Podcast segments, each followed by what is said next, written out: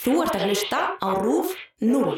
Hérna elskan, Nei, elskan, ég var að klára. hvað blessu verð ekki að þessu? Skelltu þessu í þig, hvað ertu kannski frelsuð? Hvað? Frelsuð? Frelsuð? Nei, af hverju? Nei, bara ég segi svona búin að fara í meðferð. Veistu, þetta er að verða eins og sjúkdómur, í alvöru. Ef fólk er ekki nú þegar í meðferð, þá er það á leiðin í meðferð en í komið úr meðferð og farið að senda aðra í meðferð. Hvar endar þetta? Ég segi bara, frekar hætti ég að drekka heldur en að fara í meðferð. Skálstelpur! Í Bíó 2 dagsins tökum við fyrir kvikmynd Þóraldar Þorlefsóttur frá 1986, Stella í Orlofi.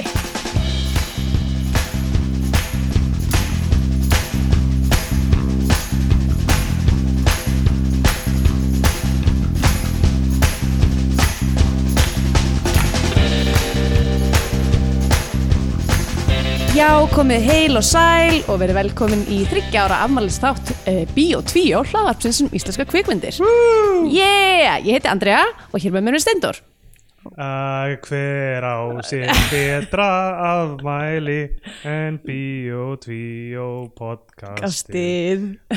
Við ætlum að tala um Stellu nú Hún er sko fínasta frú Uh, Vá, þetta var Ekki mjög... undirbúið Ekki undirbúið. Uh, improv, dömir og herrar. Þetta er vinnan sem við höfum lagt í þetta öll þessi þrjú ár Já. Eh, Hvað segir þú gott í dag? Bara ágætt. Ég er bara...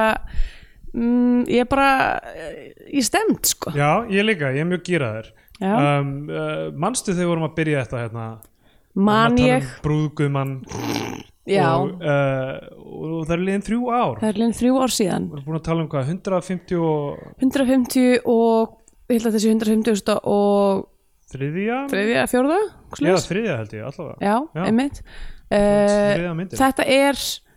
Uh, Plus uh, Hagamús með lífið í lúkunum Já, þetta er bróður partur af öllum íslenskum Við erum bíómyndum komin langlegina með þetta Já, Þetta er hérna eh, ef, ef þetta væri marathón þá verður núna að byrja að kikna inn hjánum á okkur og, mm, og fólk væri kannski byrjað svona á hliðinum að klappa og fagna svona fyrir endasprettin já einmitt og, erum, uh, og einhver, einhver svona réttur okkur uh, eitthvað vatn eða eitthvað Já, en við höldum áfram að hlaupa já, við höldum áfram að hlaupa og það er út af ykkur hlustendur sem höldum áfram að hlaupa þannig að ef þið fílið þessa þætti endilega gefið okkur uh, engun og umsögn á Já. Apple og Podcast segið vinum Segið ykkar og vinum vandamönnum ykkar frá þessu. frá Við erum að gera þetta snemma í þetta núna af því þetta er stelu jórlögu þátturinn Já. og það eru margir að hlusta á og því. bói, við erum búin að tala um bræla frá byrjun það Já. að, uh, að taka stælu Einmitt. að því að eh, og það, flestir byggja um hann já, það er margir beðið okkur um að taka stælu uh, Fólk við er að erum byrja að ekki hafa samband bara svona aðra vikuna eitthvað svona, heyrðu, ég er með hugmynd, viljið þið ekki taka stelu í orlofi? Eitthvað, ég- við, við vitum af og henni. ég sagði bara já, við viljum það endilega og Steindur sagði nei, ég vil það alls ekki Já, sko, ok, ok, ef við ætlum að taka hennar debat, Mm. þá sko við tókum of margar frægar myndir of snemma.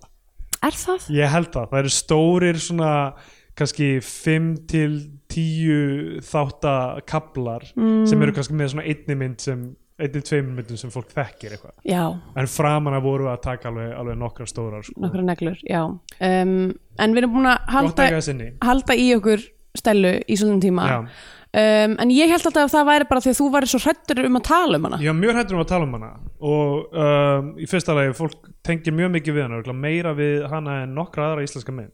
já, Kanski Sodoma, kannski lífmyndirnar, ég held að stella sér svo sem flestir hafa já, svona uh, forna, forn tengsl við, svona horfða á hana í æsku og hafa elskað hana síðan. og ég Mhm. hef aldrei séð hana aður Nei, þú hefur aldrei síðan. Mm -hmm. Ég horfði á Stelli Ólofi árið 2012 já, afi minn, Steindor Hjörleson sem var nýdáinn þá Mhm. hann er í myndinni já, og ég, ég við Kristina fórum í sumabústað vorum svona heila helgi í sumabústað örgulega einhver, einhver hérna stjættafélags hérna BHM bústaður einhver staðar og ég man ekki alveg hvar og tókum með okkur fullt af myndum og eitthvað, ætlum bara já, ætlum að horfa á vídeo og njóta við þegar það, þetta var samt um vetur held ég, Ég held að það var um vetur þannig að það var svona, við ætlum ekki einu sinni út já, við já. erum bara að holda upp og horfa á bíómyndir, fara í pottinn og eitthvað geta, Mm. drekka og við horfðum að stæla í ólóði það hefur bara verið í, þú veist, fartölvunni minni mm. örglega ekki einu sem er utanáliggjandi svona eitthvað svona bluetooth hátalara eða neitt já, þannig. og mér fannst hún glötuð já. mér fannst hún alveg agaleg og ég veit ekki kannski er það af því að bara tímyndur inn í myndina kemur afi minn sem eh, var þá nýdáin já, og ég datt úr stuði eða eitthvað já, kannski ekki besta svona Nei, en ég var bara, ok, þetta er það sem allir er búin að tala um allan það tíma og Já. ég er ekki að tengja við neitt af þessu, mér finnst þetta bara non-stop, bara einhvern veginn svona hamagangur í þessari mynd mm. bara allir að æpa hver hún í annan og eitthvað svona, en- engin eðlileg frammynd og eitthvað og svona, ég var bara ekki kátur, alls ekki til í þetta alls ekki til í þetta Ok. þannig að þegar við byrjuðum með þessa hlaðvarstætti fjórum árum eftir þetta Já. þá var mér í fersku vinni minni hvað mér hefði líka illa við stælu jólufi ok, var stressaður að fjallum hana í ljósið þess hvað margir elskan hana mm. en nú erum við búin að brenna mjög margar brýra baki okkur Ha? Eh, brenna mér marga frýra bæk ég Já, ég minna þú veist, við hefum tekið fyrir mjög ástselar myndir Já, eins og já, já. lífsmyndirnar Ég held þú meintir og svona- gjörsamlar rifaðar í okkur Um, held þú meintir að við hefum marga fjörun og sopið eitthvað þannig en jú, Já, ætli vissulega, við höfum hefum bæði marga fyrir, eða, þú veist, ef, ef, ef, ef að þi, þitt stress varðandi stelu var það að þú varst hrættur um að rífa hann í þig ekki já, við, þú veist, baby we done that Já, ég- það er bara búið sko í þættinum um skamdegi þá söngi ég eitthvað lag um hvað ég væri fegin að þráin Bertilsson við stum aldrei að horfa á mynd eftir hann aftur Já, einmitt þannig að hérna, jú, ok ég hef verið alveg harðorður og við hefum bæði verið harðorður um, um, um sem íslenska Já. kveikmyndagerðmenn við hefum tekið aldrei harkalega myndum uh, úr smið Júlísar Kemp og Ingvar Stórusonar Við erum búin að vera uh, ó, uh, hvað segir maður? Vægin óvægin ég, það, það er mér líki fersku minni einhvern tímann, ég held ég á öðru, öðru ári podcastins þar sem ég uh, kerði af stað herrferðum að reyna fangelsa Sam Gunnlauson já, já. um, Óvægir sá sem vitið hefur meira En svo hérna voru nú ein, ein tve, tvær myndir eftir hrapt sem við verið jákvæð í garð já, já, Já, já það var bara eftir í- í- okkar á milli í, já, já í hitt á Hitt á þungadagsins sem að ég bara já, snappaði Í, við erum búin að fara vítt og breytt um íslenska kveikmyndasögu þetta, er, uh, þetta er spennandi eh, tímar við erum, uh, þú veist, það eru margar nýjar myndir sem við hefum eftir að taka það er ákveðin gróska í gangi og uh, já, núna er komið að því Þ- þriðja, þryggja ára amæli Já. og stella í orlofi og að byrja þetta ég, ve- ég sko byrjum með eftir smá, ég ætla, ég ætla að taka Ok. eitt fyrir áður, af því að oft þegar ég tala við- fólk kemur að máli, mi- má- máli við mig eða svona, þú veist, þegar að tala um finnst þetta magnað, hvað ég er búin að horfa á mi- mikið í íslensku bíómyndum og það spyrðum mig óksla oft eitthvað svona, þú veist, hvað, hvað er topp 5 hvað myndir að mæla með Já, uh, ég er ekki með á rauðum höndum uh, ég er ekki með það í handraðunum hvað ég Nei. myndi segja, sko um, fyrir utan bara fókstrátt Já Ég gerði, ég setti á letterboxd síðuna mína setti ég, þú veist að maður á að velja svona fjórar uppáhaldsmyndina sínar í staðan fyrir að vera eitthvað að setja all, bara yfir heiminn allan mm. því að það er því, þú veist Kremlins 2, Eh, já, Mission Impossible Fallout Jennifer's Body, eitthvað svona Þá, Casablanca Casablanca líka ekki spurning að það er Casablanca þetta er eiginlega þær fjórar, ég veit ekki hvernig ég setti ekki bara þessar fjórar, það er gott en, hérna, en þá setti ég fjórar íslenska myndir sem ég er svona ég er ekkert mynd- endilega uh, að segja að þær séu fjórar bestu en það voru svona fjórar sem ég fann svona áhverðast að setja þarna. Það voru Foxtrot, Já. mhm, Mordsaga uh, Kona fyrir stríð og undir trénu Já, M- myndi segja að það verið nokkuð gott Já. úrval. það er svona Mount uh, Rushmore Einmitt. íslenska kveikmynda Já. sem, þú veist, ég menn þetta er ekki ok, það er auðvitað betri myndir en þú veist eitthvað morsaga, en Morsaga Sem ég- er ég samt tengdi við. svo geggið, sko. já, hún er frekar nett Fyrir líka bara hvernig hún kemur út og svona. Þú veist, maður ber miklu meiri virðingu fyrir uh, myndum sem eru vel framkvæmdar og eru gamlar. já, Af því það er að rétt bara, maður veit að það var að vera. Um, já, ég veit ekki, ég ætti kannski bara í tilefni að því að þessi þáttu, þáttu kemur út deila eitthvað svona topp 5 lista. já, Uh, ég þarf að hugsa þess um það. algjörlega, uh, og kannski í einhverjum kategórium grín versus uh, já, hérna getum byrt á Facebook fyrir jólin, Scandinavian eh, Pain top 5 ef við setjum okkur einhver svona kríteri og byrtum eitthvað fyrir, fyrir hátíðarnar eða Já. þannig. já, það er gaman, og fólk getur lagst yfir þetta yfir jólatíman no. nákvæmlega herru já, ef að byrja á stelu Já, byrjum, herðu lag í byrjuninni Já. Mhm. lag sem er sér saman fyrir myndina mm -hmm. Dittu að syngja lag með bara viðlæginu Stella í orlofi já, Stella í Orlofi uh, Hafðu ekki heyrt þetta lag samt ekkert mann aðeins? jú, jú, ég hafði oft hérta þetta lag sko og ég vissi, þú veist, ég, að ég veit ekki ég einhvern veginn hafði bara aldrei einhvern mikinn áhuga á að horfa á þessa mynd eða þú veist, ég Nei, sko, mér finnst það mjög áhugavert að því, og ég kem að setna en ég nefnilega nefndi það ekki eins og sjálf eða þú veist, þessi mynd hefur ekki, ég hef aldrei séð hana uh, ég- hún var ekki til á heimilu mínu eða eitthvað svona og ég var ekki mikið tala um hana svo best sem ég veit sko uh, en ég var að horfa á hana og ég hugsaði þetta sjálf þ- og held ég bara fyrir sjálf og mig þanga til að Jón snýr samur og var bara Stellar, ógæslega mikið að sömu töktum á mamma þín Ó, og ég bara já, hún er með svolítið mikið sem við töktum á mamma mín ég veit ekki hvort að það sé út af því að mamma mín hafi eitthvað hort á stella í orlofi og orðið mjög influenceruð eða hvort hún sé bara nákvæmlega sama típa en hérna eh, en núna, núna velti ég fyrir mér eitthvað svona þú veist, líka mér vel við þessa mynd út af því að mér liður eins og mamma mín sinni ok ég veit ekki allavega hana, það Það var svona fyndi. fyrsta sem að ég hugsaði Sko ég, ég rugglaði alltaf saman af því að sko þegar ég var 13 ára 1998 þá kom út kvikmynd sem heitir How Stella Got Her Groove Back ah, uh, með Angelu mjög Bassett í alveg ekki eftirminnilegur titill Tay Diggs já, TEDx, úf, og hún, hún kom út eftir, hún er sem sagt eh, upp úr bók eftir Terry Macmillan Mm. sem kom út tveimur árum áður 96 sínist mér Whoopi Goldberg er í þessu og eitthvað mm. og ég held, bara, ég held eitthvað að þetta væri það sama mjög lengi eða eitthvað þannig að Stella í Orlofi væri íslenska útgáfan af How Stella Got Her Groove Back já, eða öfugt Já. sko. einhvern veginn að Hollywood Hollywood Angela Bassett fyrir hlutverk uh, Eddu Björgvins já. uh, og í staðan fyrir uh, Latta þá er Tay Diggs Uh, já. Já. þannig að ég veit ekki, ég var mjög ringlaður með þetta allt saman og ég tengdi ekkert mjög mikið og sá hann aldrei fyrir 2012 líkla mm. ok, uh, þetta lag er gott, ég fíla að það sé lag þú veist, já, það er svona tí- ákveðið tímbil þetta var líka náttúrulega uh, þú veist, frækt lag sem var til dæmis í uh, eins og skefnan Deyr já, uh, sem að fólk þekkir eiginlega lægi miklu betur heldur en myndina mögulega í- jável um, og ég veit ekki, þetta var greinlega eitthvað svona lenska á þessum tíma eitthvað, það verður að vera lag með myndinni já, náttúrulega í stikkfrí líka já, það, mér finnst það fjör sko mm -hmm. það setur tónin eitthvað svona hei við lögðum í að búa til hérna einhvern heim fyrir ykkur og það er tónlistir hluti af þessum heim -hmm. mhm. uh, og textin í því sko, þetta nútíma líf krefst svo mikils að mönnum í sveita síns anslit, andlits sjá þeir varla út, út úr önnunum bógin spendur til fulls og brókin á hælunum og sumir retta sér syngt og heilagt með spælunum hvað það er Stella í orlofi, Stella í orlofi, henni kemur þetta bara ekki við því hún er í orlofi þetta er mjög hérna, þetta er mjög gott viðlag Já, þetta er ekki alveg ástæðan fyrir því af hverju Stella fer í Orlof Stella fer í Orlof til að hjálpa manninum sínum Já. og eiginlega vinna vinnun hans fyrir hann já, þannig að þetta er ekki sko eitthvað að ég er búin að fá nóg af bara látunum í hversteginum einhvern veginn nei þó að það sé í rauninni niðurstað sem hún kemst að að einhverju leiti Já uh, Já, mér finnst þessi- mér finnst þetta in, intro eða þessi opnuna sinna þar sem að við heyrum bara þetta lag og Stella er bara svona kynnti leiks Mér finnst það mjög sjörmyrandi Mhm. Já. verð að segja eins og er svo bara klift í eldhúsi hjá henni þar sem hún er Mhm. að dansa og það, og það klift, klift beint úr þessu lagi yfir í hérna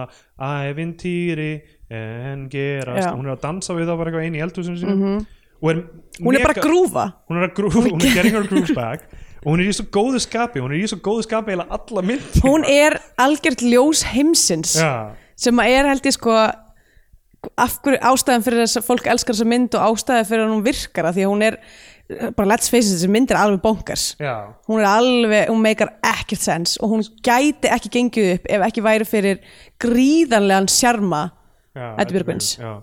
sko ég, mér finnst handritið mun þéttar núna horfandi á hann í annarsinn en það, Já. það, það er svona hlutir sem ég sé plantað sem uh, svona, svona set up payoff miklu meira Já, já. en ég held upparlega mm. ég held að vera miklu meira randomness í þessu fyrst sko. já, uh, en já, hún er að dansa við þetta uh, gestur Einar Jónsson uh, gestur Einar Jónsson fyrir leikur mannina ennar uh, og hann er hann vinnur í einhverju búð einhverju svona fataverst fata, tískuververslun já. já og er, hann er eitthvað hann er eitthvað mega dónalegur við einhverja ameríska túrista ég veit ekki hvað það er hann er, hann er greinlega að sligast af, af önnum hverstagsins já, Eh, og, og leiðist í lífinu og svona uh, og, og hann, hann dílar við það með því að að halda framhjá já, hann er með viðhald danst viðhald hann er með útprent á skrifstofunni þarna hjá sér, er hann með útprenta ljósmyndir af henni já. á og sem hann bara skoða það, bara mega horni eitthvað,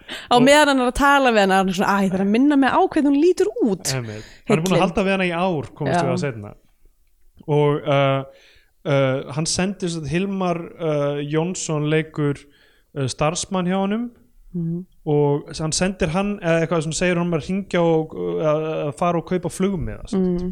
frá Dan- uh, köpen til Mhm. hann er bara að splæsa í viðhaldið bara flugmiða í viðhaldið já, sko, mér langar að vita hvað þau kynntust kom það einhvern veginn fram? Já, öruglega eitthvað svona þegar hann var í einhverju heildsölu í Danmörku að Já, versla inn í búðina eða eitthvað líka uh, það kemur ekki fram sko Eh. Um, og uh, það er alveg svolítið seriós viðhald ef hann er að kaupa flugmiða algjörlega, sko, fyrst ég held að þú veist, ég var búinn- sem ég er búin að gleyma hluta af plottinu, fyrst ég held ég að þetta væri eitthvað svona eitthvað svona vændist hjónusta ó guð, jæks en, en ég meina ég var mjög fljótur að s- sjá það að það er ekki sko. Já. en það er mjög fyndið að því að hann er með þessa ljósmyndrafinni og þú veist, hva, hvar voru þau saman áður er þetta einhver ást þarna sko, er, þú veist mm. ætti hann ætti hann ekki bara að fluta til Danmörk hvað er hann að gera? ég held að hann sé bara horni sko ég held Já. að hann sé ekki uh, ég held að þetta sé, að- ég held að þetta sé ekki framhjáhald byggt á ást uh, ég held að framhjáhald byggt á uh, bara leiðindum bara að vera, Já. hún, hann er bara bored en rosa umstang fyrir það þá Já, en hann er bara, hann, hann, lei- hún leiðist fjölskyldulífið og, og, hérna, og hann vill eitthvað spennandi og ég meina hvað er meira spennandi heldur en að fljúa inn Já, það er gælu dálítið til þess að baller sofa hjá move. hann hérna ok, hann uh, er að, er að stúsast í þessu á meðan er Stella með brosa vör bara, þú veist, gera allt á heimilinu hún er að elda eitthvað svona pastarétt eitthvað svona spagettirétt mm. krakkarnir eru uh, styrlaðir, sko, Solveig Arnarsdóttir sem Já. er alltaf dóttir Þórilda Þórildsdóttir sem leikur þessum, Já. uh, leikstir þessum mynd. uh, hún er uh, elsta dóttirin Já, mér finnst hún mjög skemmtileg típa hún er mjög skemmtileg típa Svona hennar intro er bara eitthvað svona oh, mikið ofsalega var Ibsen góður í töfundur Já. svona algjör stemming ég, sko, ég hefði vilja sko þessi myndi bara 86 mínútur það hefði alveg verið pláss fyrir aðeins meira af henni til dæmis Já, og, uh, og margar auka af því það er margar auka personur í þessu mm. en já, hún, hún eitthvað svona kemur inn í stofuna slags eldhúsið með þessum frasa eitthvað, oh. og svo eru krakkarnir, yngri krakkarnir tveir þeir eru klikkaðir, sko, þeir eru að sitja aksjónmann, kallana sína eða hvað þetta er í beint hún í pastað já, og hérna og gestur mætir heim og er bara eitthvað, ó, eitthvað ómögulegur Mm. um, og, uh, og svo er hann eitthvað að röfla og, yfir þessu og Sólveig Arnars er alltaf svona bara leiðir þetta málfarið hans mm, og segir hérna þetta er eina af svona línunum úr þessu er passaðu þrýstingin maður Sem sagt að, hérna, já blóð- línunum sem að fólk svona kvótar sko Já, og þær líka, ég held að það hafi- hafi þetta hýrt þær allar áður já og síðan sjá þær í myndinni og eitthvað svona reyna að skilja okkur fólki fannst þetta svona ógeðslega merkilegt að það er alltaf að segja það Já, þá var ég emmitt eitthvað svona eitthvað, "Hva, hvað, þetta er ekki svona að fyndið eitthvað, mér finnst það að fyndið það Já, þess að góða lína, passaði þrýstingin maður Já, ég, ég verð að segja eins og þér, ég skil ekki hvernig þetta verðu quotable línunar sem að þetta og majónessan og, og Já. hérna og hver á þennan bústað og svona já, hver á hann að bústa, ég, ég var reyður á þeim tímpútið þegar ég var hana fyrst af því að, sko, í minningunni þá var það, já, ok, allavega við komum, tölum við það þegar kemur að því Mm. um, en það er sem sagt bára vinkuna þeirra Mm. sem eh, kemur ekkert fram meira síðar í myndinni hún, er- hún á ammæli, Já. það er partí hjá henni algjör svona algjört 80s sull partí ammæli sko, fólk er svo sjúskað á sem tíma Já. það eru allir með eitthvað svona alveg þrótað permanent sem er búið að rústa hárnu þeirra þannig að það stendur bara út í allar áttir einhvern veginn já, já uh, og þú veist og, í ykkur, og, þú veist, og öll tískan þó ég verð að segja, ég elska lúkið ástælu allan tíman, Já, hún já. er alltaf í einhverjum gulum joggingala Gulli sem að er Galli er rosalegur æðislegur uh, hún er að vinna með mjög hérna, skemmtilegt lúk en svona almennt er fólki í ykkur eins og þessi, þetta viðhald Já. er alveg sko þú veist, hún er eins og eitthvað ruslaskrimsli uh, eða þú veist í alveg hún er bara með eitthvað svona dulur einhvern veginn út um allt og eitthvað eyrnaband og allt í mismandi skræpótum litum það er bara svona, það er bara mér finnst sting og mikið kinnalit og eitthvað bara svona stingur í augun á mér, hún er máluð eins og eins og barn myndi mála sig já, bara eitthvað svona blár augnskugi ógeðslega mikið að kinnalit varlitur niður á högu eitthvað, hvað hittir persónunum þar? ó ég man það ekki ég man það ekki, ef það kom fram þá man ég það ekki ég, ég er ekki að sjá hana hérna á IMDb um, ég sé ekki dansnafna bara köllum hana bara danska píu danske píu um, vild spó uh, þá hérna sem sagt um, uh, já jamalinn hjá Báru það er þú veist það er kransakaka, það er þerna í streyta bara svona þernu galla já, svona eitthvað svona French maid outfit nánast og uh, þarna er svona, það er svona aðeins talað um svona allir þetta geti ekki verið þema myndarinnar er þú veist drikkjumenningi Íslendinga já, og hvernig fólk skemmtir sér já, og hvað toll það tekur á þú veist, fjölskylduna og hvaða svona ripple effects það hefur sko. já þegar þarna er verið að tala um þú veist þetta er sko fyrir grínmynd mjög eitthvað svona alvarlegt umfyllunarefni já, sem að algjörlega. er sko, sem að m- ég finn bara svona horfandi á þessa mynd, hún kemur á út 86 náttúrulega það er áður en að bjórin er leifður Já, aftur, en þú veist, basically bara hvernig fólk var að drekka á þessum tíma var bara stert áfengi, Einmitt. bara straight up stert áfengi er bara blandað í eitthvað rugl, þannig að þú veist eh, sko, m- ég svona upplifi að þetta handrit er, er skrifa út frá okkur um sann, sannleik og eitthvað er þreytu Þú veist, algjörlega, að þetta er skrifa af, þetta er ger- þessi mynd er gerð af konum með konu í aðhlutverki Einmitt. sem einhvern veginn reynir að tækla samfélagsmein á bara jákvæðunótunum já, uh, og þú veist og mér mér finnst það svona pínu, mér finnst það, það gleður mig að ég upplifi þetta er að koma frá okkur um sönnum stað já, já í rauninni Gunni Halldórsdóttir skrifaði þetta Já, og, hérna, og þetta partí er já, mjög söpulegt, það er allir að syngja ferðalog eða hvað heitir hérna, ég er komin heim uh, Já, já, þau- einmitt. þau þau syngja það eh, löngu fyrir HM í fótbolta EM í fótbolta það allt saman sko. um, og uh, kallarnir eru bara saman í einhverjum svona sófum eða stólum Mhm. þeir eru bara að tala um framhjáhald og þetta er mjög skemmtilega samræður þetta er svona gestur einar Þráin Ó. Karlsson er þetta að tala, ó, er, er þetta með byssuna og það, er það ekki Já, þetta er allt um, eh, já, sko, Ok. þetta er ge- gestur einar Þráin Karlsson og, og afi minn Steindur Hjölusson og þeir eru að tala um sko þörfin að halda framhjá sko. mm, og ég held að Þráin segir hann er, hann er alltaf að halda framhjá það var alltaf að að halda framhjá Já, og er svona komin yfir það núna eða eitthvað, ég man ekki hann segir, segir hann ekki svona, ég kefti mér Ah. jeppa Já, einmitt, já, núna þarf ég ekki að halda framjá lengur, ég er búin að koma mér í jeppa einmitt, hann segir það og, og afi minn segir bara ég er búin að vera með byssulegu frá því ég var táningur Eitthvað, þegar ég skýt byssu þá- ég, ég, ég fæða ég fæða þetta, getur verið að þú hefur verið svona mótfallir þessari mynd af því að þetta var af því að afi minn er svo afiðin horni nýdáin og þetta er það sem að, þú veist, það er búin að heyra bara ekki að afið minn er í þessari, þú veist, þessari einna frægustu íslensku myndum bara fyrr og síðar og svo, þú veist, ert þú ennþá að díla við, þú veist, missi og þetta er hans input í myndina er bara, þegar ég skýta byssu, þá fæ ég það mér fannst það fyndi Þetta er mjög fyndið, ég man sko. eftir hvað ég var ánægð með aðvæði þessari mynd Ok. sko. og þú veist, kannski var þetta bara einmitt, já, kannski einhvern veginn hugsaði ég bara eitthvað, hann var ógóður fyrir þessa mynd eða eitthvað svona þarna, eða eitthvað, bara hann var bestur ég sakna hans, eitthvað þannig en eh, mér finnst það mjög fyndið hana, bara eitthvað ég fer bara og ég skýt byssu og ég fæða það Já. segir það svona nokkur sinnum um, og gestur einar er svona aðeins að hinta að svona þessu framhjálpstæmi Já. sínu en sko alla þennan tíma stella eitthvað svona undir einhverju borði hvað er hún að gera, setja sig varan hún, nei, hún er hérna, af því þau gáfu sam- báru í ammælskjöf, eitthvað lampa Já. en það er vittlus kló á lampanum og hún er eitthvað af því að hún er, hún ennir ekki að sita og hella í sig með öllum hinnum kellingunum Já. uh, að þá er hún eitthvað svona að reyna að sk- að því hún kom með auka kló til þess að skipta um kló ef skið kynni að bára væri ekki með réttu klærnar á húsinu sínu já, já. Eh, þannig að hún er eitthvað að reyna að skipta um kló á þessum lampa og heyrir þess að samtali Hún heyrir þetta samtal en þetta, sko, mér finnst það svo fyndið af því að þetta hefur engin áhrif í raun. Nei, sko, af því að þeir eru að tala undir rós allan tíman Já. Þú veist, þeir eru, hann er eitthvað svona, já, ég meni, ég er að fara í lags bara Já, eitthvað, já. og er eitthvað að tala um sömbústaðan og eitthvað svona segir, þú veist, hindar að hann þú veist, það sé eitthvað, Einmitt. en hérna en segir það ekki hreint út og hún grípur það ekki, sko hún, einast það sem hún grípur er bara hvar þessi bústaður er já, já, já, einmitt, hún veit hvað hann er í selá Já, og hérna, ok, þannig að þetta gagnast í að því leiti, en þú veist að það er samt alveg eitthvað sem hefur getað komið fram annars staðar skiptir einhver máli, en Mm. ég bara einhvern veginn held ég, þegar ég var að horfa á þetta fyrst þá hafi ég að hugsa, býtu, þarna kemst hún að því að maðurinn er að halda framhjá henni og fer í orlof, já eitthvað, nei, nei, það er, það Mm. það er það ekki, sem það er gerist. ekki það sem gerist um, uh, hún seg, kemur til hans og segir bóðið er búið, báran komin í bleiti og majónesan orðin gul ok Er majónesa kvenkins orð?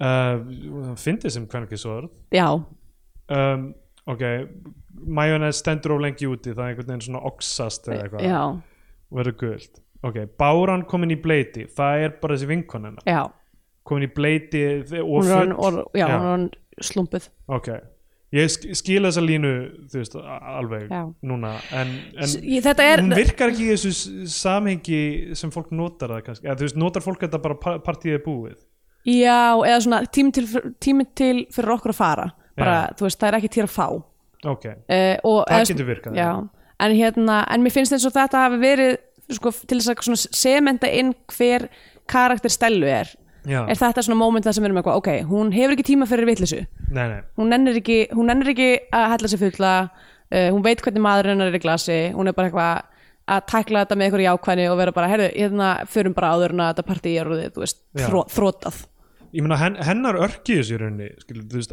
hún er alla myndina að reyna bara að hjálpa manninu sínum með vinnun hans mm. basically, Já, Þa, það er hennar það er það sem hún fer út í þetta fyrir sko. emmitt hvað, ég hérna, veitum við hvað hún gerir Eða Nei, það eitthvað kemur þannig. ekki fram kannski er hún bara húsmáður eða eitthvað en þú veist, ég meina ja, það, hún fer út í þetta Sko, ég var Af um því hún þetta að hefur hugsa opnun á titlarnir eru í svona gulu hérna, serif letri já, sem að er ótrúlega svipað og letrið á orlofsjóð húsmaðra á hverfiskundu ah, Uh, hvort alltaf að koma undan Ég, það er góð spurning sko, ég veit það ekki en ég var eitthvað svona, er einhver, eiga að vera einhver hugningatinnsla á milli eða þú veist að því að best sem ég mann þá er þetta, þá er þetta or- þessi orlusjóður húsmaðra og hverjuskvöldi búin að vera þarna í já, bara forever, ég veit bara- ekki hvort það sé þarna ennþá en það, það og bónuskór voru bara það sem markaði bónusskor þessa er ekki hluti. til lengur Nei, ég veit, eh, ég, ég skil ekki ég hef vínill, fínt kaffihús me- Já. meðan alla, þú veist, sérstaklega þegar þeir voru vegan núna heyri ég þess ekki vegan lengur Ó, og þeir æ. bara eitthvað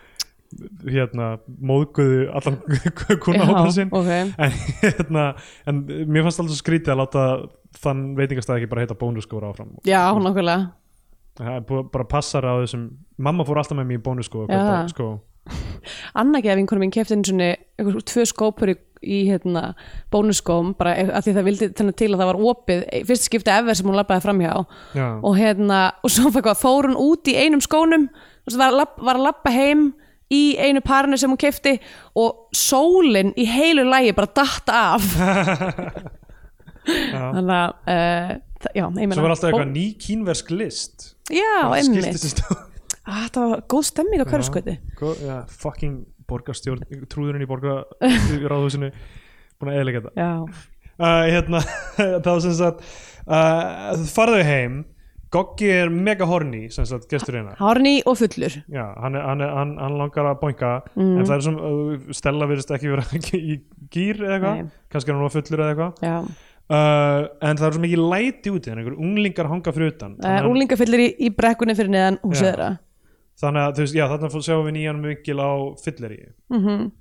og uh, uh, hann rýkur út og ætlar að reka það burt með útigrillinu hann, já, hann a- allar byrjar á því að bara æpa þau já, og þau eru bara eitthvað slappað af gamli eitthvað og, hérna, og þá fíkur í hann og þá tekur hann bara eitthvað grípur útigrilli á sölunum þeirra og bara fleir því í úlingana já, já, uh, og hérna og fer síðan aftur inn og þá er stæla bara eitthvað þú verður að sækja grillið já.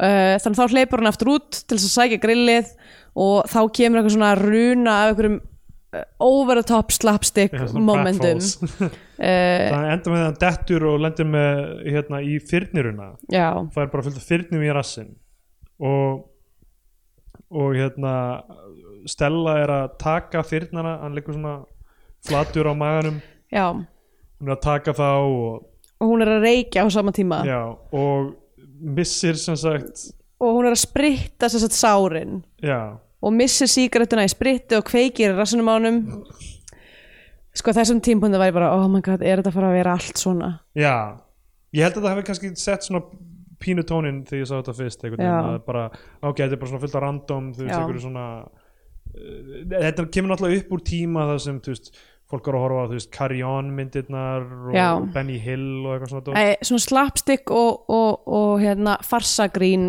var Já. bara þú veist, það var bara staple þú veist, það var standardgrínið Já, já, og, Þú veist- og setja á sig gerfiskegg já og mér, þú veist, ég menn þetta fór ekki í töðunum þetta er alveg, þú veist, styrla dæmi þetta er bara, já, Þú veist, það, þessi mynd er svona aðeins of, ofur, yfir, yfir Já. raunverulega einhvern veginn sko. þetta er ekki gerast í raunverulegum heimi Nei, af því að þú veist, setna er þú veist, einhver maður í millilandaflugi sem gæjist út um gluggan á flugvélinni til þess að skoða einhverja lagsa á skilur, við. Þú veist, þetta, er- þetta er bilað -hmm. Mhm. og hérna uh, já, hún missir eh, réttuna, kveiknar í honum hann uh, eitthvað uh, þú eh, veist fagast upp, þeir ringja á, á sjúkraflutningamenn Mhm. þeir eru að bera hann út á börum Já.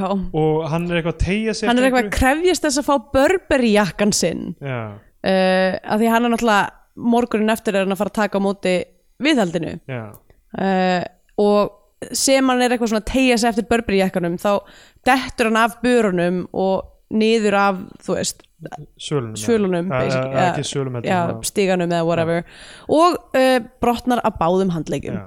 og svo á spítalunum þá sa- byrjar hann að saka hana um morðtilrun hann er bara eitthvað þú re- komst þessi einhvern veginn í kring já. hann er eitthvað alveg bonkers það er það sem við erum búin að læra um hann á fyrstu tímyndurum er bara hann heldur framhjá hann er b- með drikkjumvandamál Eh. Já. hann emotionally abusive einhvern Já, veginn, sko. hann er ó, mjög léle típa og hann er, hann er brotin að báðum höndum og er bara alveg krampuleraður þarna á spítalunum og uh, hún uh, hérna, og hann er bara alltaf, hann er alltaf að segja sko, ég, þetta er svo ómögulegt af því að ég átti að fara í þessa businessferð ég átti að taka á móti manni fara með hann í lagsveiði þetta var eitthvað businessmál sem var alltaf bara kóðinn fyrir að, að halda framhjá Já, hann sérst er að fara upp í sumbústa með framhjöldinu Já. Uh, hún er bara eitthvað að nei nei ég skal bara Ég skal bara fara með hann businessman Já. í, í lagsveiði, ekkert mál og lætur ekkert segja sér nei sko, hann er bara eitthvað nei hlusta á mig, ekki gera það, þetta er slæm hugmynd hann er mjög leilur í að stoppa þetta ég skil ekki Já. af hverju hann er ekki bara hei, hérna, Hilmar Jónsson sem vinnur með mér allar að gera þetta Já. eitthvað, þú veist, hann er alveg Já. umögulegur uh, og uh, svo, svo er klift þetta sjáum við í flugvélina, flugvélina þá Já. er sem sagt ok, þetta er náttúrulega mjög fyndið að mörguleiti sko. Latti leikur Solomon Gustafsson Já, uh, sem er á leið til Íslands til að fara í meðferð já, við hliðin á honum, í sætinu við hliðin á honum er þessi danska pía sem hann er búin að vera að halda framhjá með mhm, og við hliðin á Latta Þóraldi Sigurðssoni er maður sem er leikinn á öðrum Þóraldi Sigurðssoni já, já, þeir eru tveir Þóraldi Sigurðsson liðið lið ok, flaggaði það ekki og hérna og uh, hann, hann sem sagt hann er meira sem mertur hérna Þóraldur Sigurðsson 2 á kveikmyndavegin vefinn. hann er frægari sem leikstjóri en hann er alveg leikið líka mm. og uh, Solomon Gustafsson er að þamba áfengi Mhm. af því hann er á leið í meðferð hann vill bara klára þetta Já. og mæta sér í meðferðina og maðurinn við hliðina á honum drekkur ekki hann, og þetta, þetta er ákveðið setup sem ég eiginlega fattaði ekki fyrir nú, ég horfði á hann núna í annarsinn Mm. er að hann er að segja sko, já þarna hjá S.A.A. og ég fór til þeirra og þetta, þetta er erfitt skilur þetta er bara að fleja í mann eh, eh, þessum hlutum, eh, þú veist, þetta er bara virkilega að taka mann í gegn sko, Mm. það til maður bara getur ekki hugsa sér að drekka aftur Já, bara svona byggir þetta upp fyrir honum eins og þetta sé bara bara, ákveðin- bara svona eldurinn já, einmitt uh, Hann þarf að bera sál sína og, og, einhver, og það eru einhver verkefni sem hann þarf að gera og, Já, og já. ýmislegt þannig að hann er búin að segja að Solomon sem, sem ok, það er mjög mikið sett upp um það hann er sem sagt sænskurinn, hann talar íslensku og við Mhm. Já. lærum það aðeins setna að það er af því að hann átti íslenska kærustu sem er Borghildur Já, að bogga og þannig að hann talar eiginlega íslensku sem í Latti mér finnst hann mega fyndir í þessu já, hlutverki. mér finnst það líka mjög fyndir í þetta er hlutverki. algjör, algjör topp Latti hann. Já, ég myndi segja að þetta væri príma laddi já, uh, við, erum nú, við erum nú talað mikið um Latta á öðrum nótum um, en hann er mjög skemmtileg í þessari mynd og þetta er bara eins og við sögum í síðast þetta þetta er bara fyndið Já. að vera með eitthvað fáranlegan skandinavskan reym Þetta er mjög er fyndið hann er með þennan sænska heim og, og gerir hann svo vel hann er líka sko hann er alltaf mjög nálægt í að vera daldið of, of broad, eitthvað svona ránkvól og augunum í gegnum myndin og eitthvað svona þannig fer alltaf kannski alveg yfir strikið í því. Já. hann er í takti við myndina hann tónar við myndina já, og málið með þetta líka er að þú veist kannski af því þessi mynd var skrifuð af, og leikst þetta konum mm. það er miklu meira einhvern veginn kærleikur með hans karakter Já. hann er ekki eitthvað algjört svín hann er ekki þú veist alveg klúlega skilur hann er með þú veist, hann langar bara að vera etru já, hann langar að vera etru og hann er bara til í þetta prógram og, og, og, og fer í það Mhm. já en svo er hann satt með das af Latta í sér líka Já, já, algjörlega líka, en hann er ekki eitthvað svona eitthvað ofgraður eins og lattir í öllum myndum já Þannig. með þar sem að Latti fær að gera það sem að vill já, já, þú veist, já ég, ég, ég veit ekki hvernig þú veist, aðri leikstur og trýta þetta en það Nei. er miklu meiri kærleikur í kringum þennan karakter sem Já. þú veist, er svo ljúft emmitt, ok, hún uh, hérna uh, hún fer, uh, Stella fyrir að pikka upp hvernig vissi hún að hann ætti að pikka upp á, á þessum stað og á þessum tíma og eitthvað þetta er náttúrulega bara flugstöðin Að- ætli hann, ætli, Hótel Loftleðir þeir eru hótið loft Ó, ok, og, og þú veist, hann segir það snemma eitthvað svona að eitthvað taka á móti hótel loftleiðir eða eitthvað sko. ok Ég, ég var fl flóið til Reykjavíkur á þessum tíma uh, ég veist um það ekki gott að segja uh, allavega, uh, þú veist, hún veit einhvern veginn hún á að sækja þennan viðskiptafélaga mm. og mætir þarna og það eru þrjár manneskur það eru Pían, danska Latti Mm. og einhver svona veiðimaður Já, einhver svona gau- gaur með bara fullt af veiðigýr og uh, já um, já, hún mætir þarna með öllum krökkunum hún er búin að pakka hún eh, pakkar ógeðslega miklu í já bílinn bíllinn er svona komist fullur af drasli og svona- svona treflar sem að ganga út úr skottinu og, og búkslega mikið að töskum á þækinu og svona hún greinlega er, já, þarf að taka allt með sér í frí uh, í orlofið sitt hérna, hún er bara, ok, sko hún sem típa, ég held að það sem hann lætur þetta virka fyrir mig um, ástæðan fyrir að því að, að, því að þú veist, þannig, eftir, eftir þessar slappstikur runu þarna í byrjunni þá var ég eitthvað svona oh, æ, blah."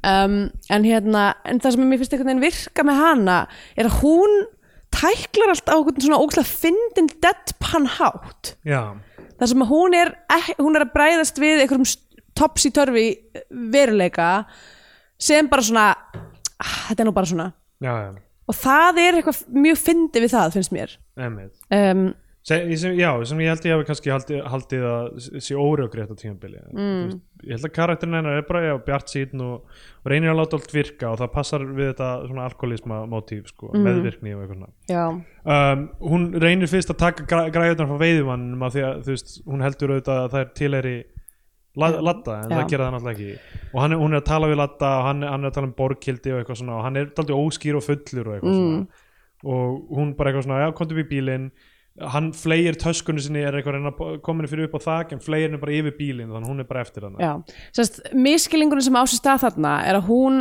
hérna byrjar að tala Já. við hann og er, segir eitthvað svona eitthvað, are you going to Selá Mm. um, og hann heldur að hún sé að segja S.A.A. já, Um, og segir þar leðandi já uh, já, og, þ- og endar þar með í bílnum einmitt þetta er, þetta er svona pínu flimsi en þetta já, dugar. þetta, du, þetta, uh, þetta er flumsi en út af því hann er fullur já. að þá er maður eitthvað svona, ok, it could happen já, já.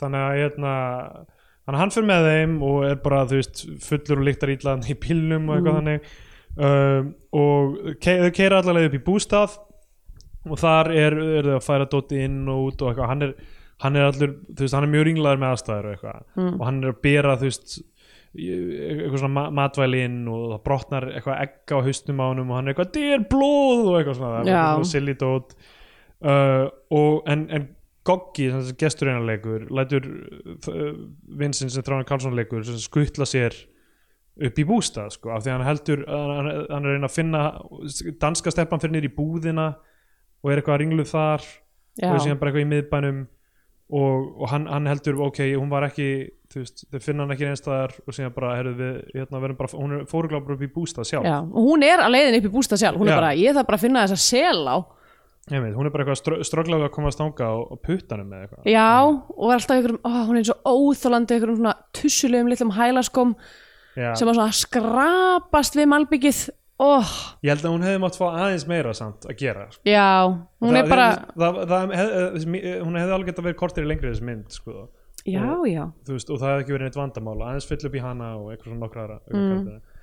um, en eh, hvað er ég að kvarta yfir þú veist, þétt kliftur í gaman mynd, það er ekki vandamálið Já. Valdís Óskarsdóttir já uh, uh, klift af Valdís Óskarsdóttir og uh, Kristínu Pálsdóttir mm um, og ok, sem sagt hérna, uh, þau eru mætt upp í, í bústað en fatta náttúrulega að taskan hans er horfin þannig að hérna, keira tilbaka til að að reyna að finna töskuna stoppa á einhverjum svona einhverjum bæ, bónda, eða ég veit ekki hvað þetta er það er hestalega hana já, og þetta er, sko, maður stýr stundum svona bregða fyrir fólki sem er búið að vera í myndinni það eru japanskir uh, gaurar með Sem- fúti skilti sem Já. eru pikkar upp á einhverju fúti film bíl já það er greinilega svona eitthvað ferðarþjónsta á vegum Fujifilm kannski, ma- manstu þegar, þú veist allir voru bara stanslösa eiga viðskipti við þú veist, Hans Petersen og eitthvað svona já, og svo bara er það, þú veist, það var bara Hans Petersen út í búið út um allt mm.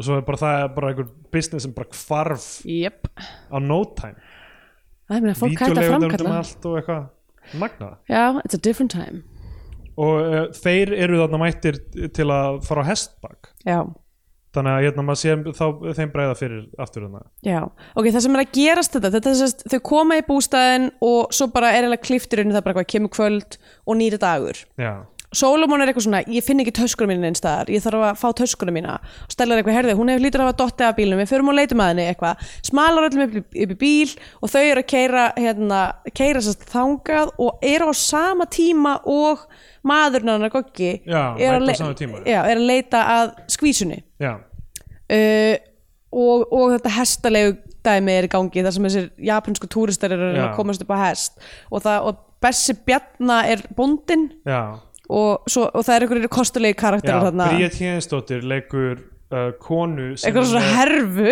eitthvað svona sem er með hrífu fyrir hönd já, Einhver- að ég, þess, það er eins og sé bara svo kaftin krókur já nefnum bara með hrífu og, og, og, og Stella er alltaf að spyrja hann eitthvað hei, hérna, hefur sér tösku eitthvað, ertu með egg já, Og ég veit það að kaupa egg það er að kaupa egg hún er eitthvað eitthvað egg, egg, egg eitthvað að hljópa þetta já, og svo finnir maður fattar að þú veist, hún er ekki með hrífu hönd heldur bara heldur hún henni svona inn í úlpunni skiptir um hönd með hann einu sinni sem er finnir move og svo verður uppið fótur og fita það sem þeir eru að keira sem sagt Uh, goggi og, og, þe- og hérna, hjólbarði skoppar af bílnum þeirra já, og skoppar einhvern veginn svona inn í hesta þvöguna og það fer alltaf á kvolf og, og, og, og hjólbarinn skoppar áfram og fólk ríkur fram og tilbaka hjólbarinn lendir hjá mögulega finnst þessi karakterum Einhver tv- tvö börn tvö mjög forn börn já, annar, annar er leika þetta Björgvin Fransk Íslasson sonur Eddu Björgvins já, og ég gíska að þetta sé Hildur Guðmundsdóttir ég sé ekki um, sé þetta ekki alveg á hennu mhm, -hmm. ég held það Jú, Hildur Guðmundsdóttir sem hinn, hinn leikarinn þau eru svona svona gamaldags börn já og þau, eru, þau tala bara eins og fólk úr um, hérna fortsögunum einhverjum, já, þjóðsögunum þau eru alltaf eitthvað svona að vísa í eitthvað svona eða svona, ég veit ekki hvort þessu er beint að vitna í eitthvað ákveðna ákveðin literatúr, eitthvað svona þjó, þjóðsögur en hérna, en já Mjög- mjög fyndið og þau eru bara eitthvað að leika sér með eitthvað Lego, Le- Lego bein- skel. skel og eitthvað Þetta er eitthvað svona, þetta er, þetta er ákveðin hæt, hætning af þessu gríni sem er eitthvað svona sveit og borg já, uh, shiftið sem er eiga sér stað á þessum tíma.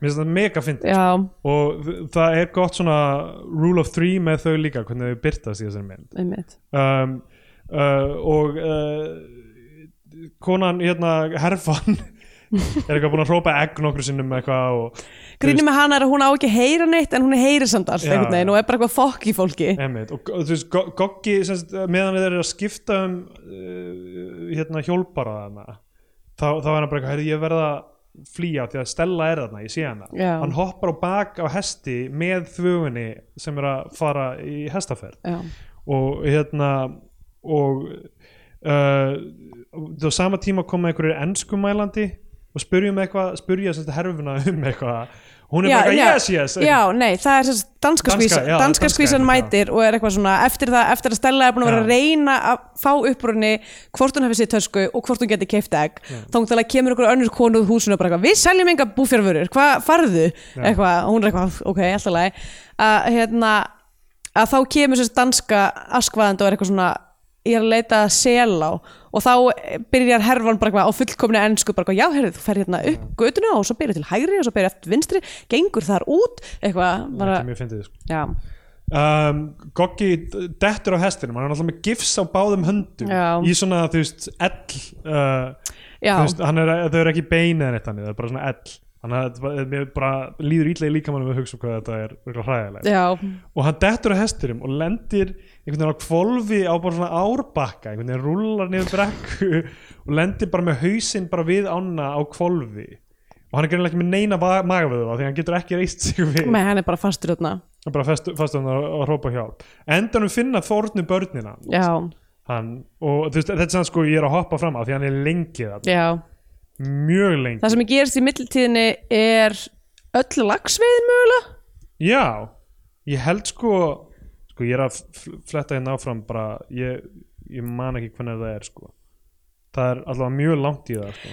en sko eftir þetta farsarugl sem að var, það sem, þetta var mjög svona hratt klift, allt sem að gerast þessum bóndabæ, það voru svolítið mikið af mismunandi hlutum í gangi á sama tíma Bjössi, Bess- Bessi Bjarna og Hestarnir uh, herfan að öskra egg, egg, egg, egg, egg Já. uh, hérna b- börnin, hjólbarðin uh, he- þetta bara, þú veist, það var ógeðslega mikið að gerast á sama tíma og á þessum tíma, að því fyrsta svona uh, svona gagrönnið sem að var þarna þegar hann slasaðist Já, já. mér fannst það pínu too much en þegar ég horfði á þetta þá var ég eitthvað, ok, ég veit hvernig myndi þetta var að vera Já, já. og ég er bara pínu here for it Já, mér já. finnst það eiginlega bara Stuð. svolítið spennandi þetta er stuð sko ok, það, það er já einmitt eftir, alla, eftir að sem sagt, stella fyrir mig Salomon í lagsvegi þá, þá eh, koma börnin og finna hann, þetta er langur tími já, og uh, mjög fyndið þau hjá- hjálpa hjálpa hérna honum upp og eitthvað og hann er eitthvað, herrðu, ég farið í veski mitt ég er með peninga þar og eitthvað, þau eru eitthvað ekki viljum ég er pening þykja eða eitthvað hannig og og segja eitthvað við hann eitthvað,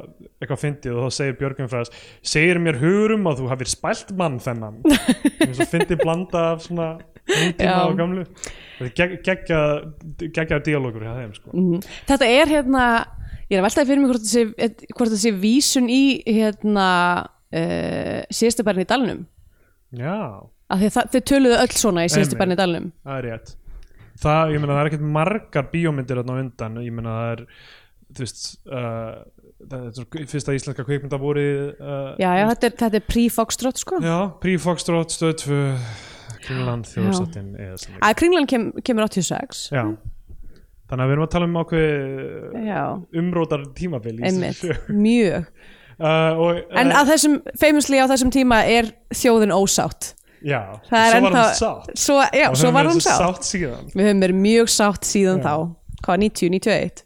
já, 90 eitthvað, já, 90 held ég. um, allavega, þá uh, allt búið Hvenær kemur þjóðar ósáttin?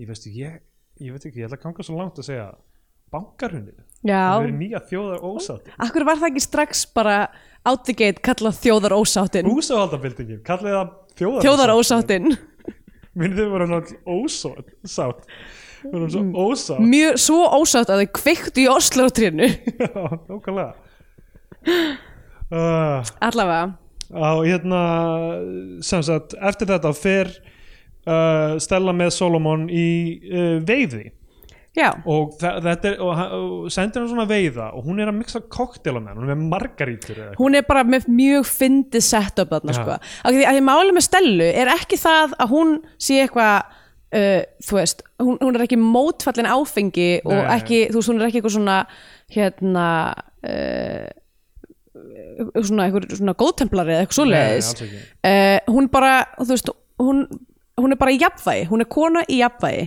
Já. hún lætur ekki draga sig niður, hún, hún er ekki með svona uh, svona destructive tendensa eins og, eins og margir í þessari mynd Já, uh, en hún, þessi getur alveg, hún getur alveg fengið svo kokteil, henni finnst það alveg gaman einmitt, Veistu, hugsa eins og- sér, að, hugsa sér að vera svona þessi, þessi manneski er ekki til í raunveruleikanum það er ég, ekki svona ég held alveg að það sé til sko það ég er held ekki að það svona góður á því er engin svona góð ráði ég held að Nei. Edda Björgvins You'll Find er svona góð ráði ég heldur hún að ég ég meina Edda Björgvins, við höfum séð hana leika við höfum séð hana með hérna, skeifu já, og ég já vissum að það kemur frá raunverulegum stað hún lítur að eiga erfiða tíma í sínu lífi Já, já, en, en þetta er þýst ekki um það hún er, sko, Stella í þessari mynd er að díla við erfiða tíma já, maðurinn hennar er alkoholiseraður framhjáhaldari uh, já, já. hún er eitthvað svona að reyna að halda fjölskyldinu sinni saman á brosinu einu uh, en hún tæklar það vel já, já. já ég held að eh, fólk brotni meira þú veist, ég meina ef þú veist að ég meina, pældi í því, þú ert í þessum sumabústað og kemst að öllu þessu sem hún kemst að í lókmyndarinnar mm -hmm.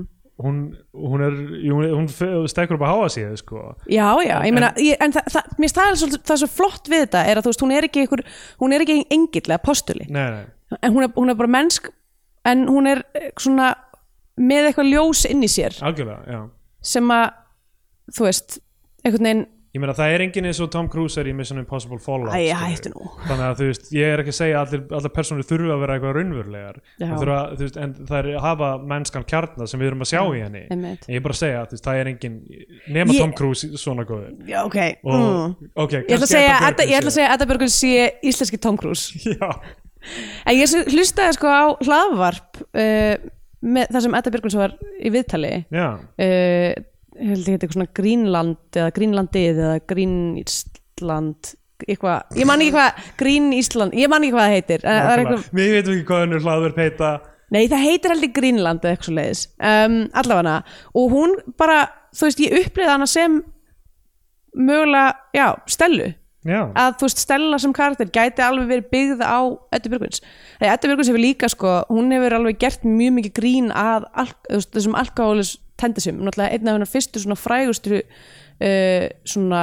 karakterum var hérna ógeðslega fulla hérna, matrislu konan sem var alltaf eitthvað svona fór sér séniver og alltaf Já. svona að það þarf fimm bolla af séniver í þessu uppskrift Já. svo verður hún alltaf svona fullar og fullari Einmitt. uh, og hún segir í þessu viðtali hún er eitthvað svona ég byggði þetta bara á fúst, fólkinni í kringum mig bara, þú veist, það voru allir alkoholistar á þessum tíma já um, þannig að ég, allan, ég ég, hendi veit því ekki, fram ég er búin að vera edru í næstu fjóra vikur sko, þú já, veist, þannig að- til hafa mikið En með ég er það náttúrulega bara, þú veist, alkoholisti Tjekovs það er allir að býða eftir, eftir að það fallir að ég, ef ég falli sem ég er að fara að gera já, það En ég fallir meina- Íslands Já, ég er að fara til Íslands, ég meina, hvað á ég að gera?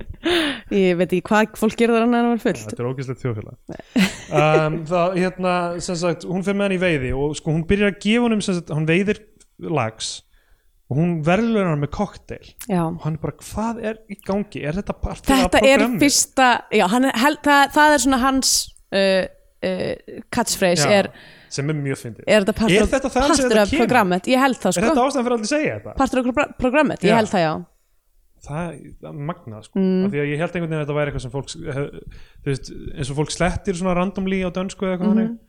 Ka já, kannski ég meina, ég veit ekki hvernig það er það en del af programmi eða eitthvað þannig á dönsku, já, en þetta er alltaf sænska ég veit já, ekki, hann, já, kannski er eitthvað annað en alltaf, hann segir alltaf, "Þetta- þetta er partur af programmið frú Stella og uh, hún er bara eitthvað, já, já, já og gefur hún en drikk, sko hann er bara Sem náttúrulega sjálfur sko, í, í hans narratífu, frá, hon, frá hans bæjættirum séð, er hann bara í ykkur svona ástríkur og þrautunda 12 situation Þetta er, það er bara verið að pindan með öllu sem, þú veist, já, er, er bara hans uh, martröð sko. emmitt og uh, málið er þegar hún gefur hann þennan fyrsta, þessum fyrsta margarið hann bara skellir henni í sig já, og kannski uh, þörf á líka á því að hann hlýtur að hafa verið þunnur eftir þess að drikju kvöld daginn áður mm. um, og uh, svo heldur hann áfram að veiða og reyfingin og útiveran og allt þetta er bara eins og í vildspor sem- eins og í sem lýsir vildspor sér þar sem líka. hann tengist eitthvað náttúrunni Já. Það þarf hann ekki lengur að drekka, hún býður hann manna koktel, hann er bara eitthvað nei, mér líður vel, ég er bara hérna úti mér náttúrunni, ég er að veiða veiða fisk þennan fisk og ég er bara að fá, og það er mók veiði já, hann mókar þeim og og hann bara er svo kátur með þetta, þetta er og ykkur hann, hann, húts er að eslagsar fá, hann er að fá endorfínin annars staðar sko. frá, Mhm. og það er eitthvað svona fyndi gegg þar sem að eitthvað fyrst er þau með nokkra orma og hann veiðar alla ormana, svo byrjaði að setja læm og eitthvað svona allt sem þau eru með á borðinu já, já, uh, hérna þá til að endanum, þetta endar á því að hann er bara eitthvað komin úti og er bara að grípa fisk með höndunum já, já. um, bara veður eftir, eftir þeim sko. uh, svo er náttúrulega sturlað klipp þarna yfir í bara millilandaflug og þetta er sko ég held að þetta hafi verið það sem fór mest í taugarnar á mér uh, þegar ég sá hana fyrst af því að mér fannst þetta svo ógesla klikkað sko. já en þú veist, þetta er þetta er samt eiginlega allt í lagi sko. Ég hef sko verið í uh, flugi til Íslands uh, sérst, millilandaflugi þar sem að, uh, að því að stundum kemur frá Evrópu inn á Suðurland eiginlega já, uh, og ég hef verið í flugi þar sem að uh, hérna, flugsturinn hefur sagt svona bara eitthvað herðu, hérna, við ætlum að taka að fara aðeins lengra eins og þið getið séð þú veist, skriðjökul eða já, eitthvað já. líka. Eh, heldur maður hafi verið að tjekka á lagsveði ánni sinni gæti verið, ég menna þeir eru ekki að fljúa svona neðarlega, en þetta er í, Ég aðfl veit. þetta er í aðfluginu já, þannig já, að en það er ekki málið sko. það er ekki það sem ég við skrítið Nei. það er það að hann geti séð út um gluggan þú veist, nýður já, já, já Þú veist, það er bara ómögulegt ekki ef þú ert að beigja, ef þú ert að taka skarpa beigju ok, ég held að ef, ok, ég held að ef þú ert komin það langt þá ertu að setja að fara að flippa flugvélni eða eitthvað sko. ok, þú ert að taka mjög skarpa beigju til að sjá út um gluggan og ert á sama tíma að reyna að halda flugvélni bara í lægi mm. ég, þú veist, það er ekki í þannig senu sem hann er að sjá það sko. Nei. það er bara hann er að fara nýður já þannig að bara eðlisfræðilega ekki hægt sko.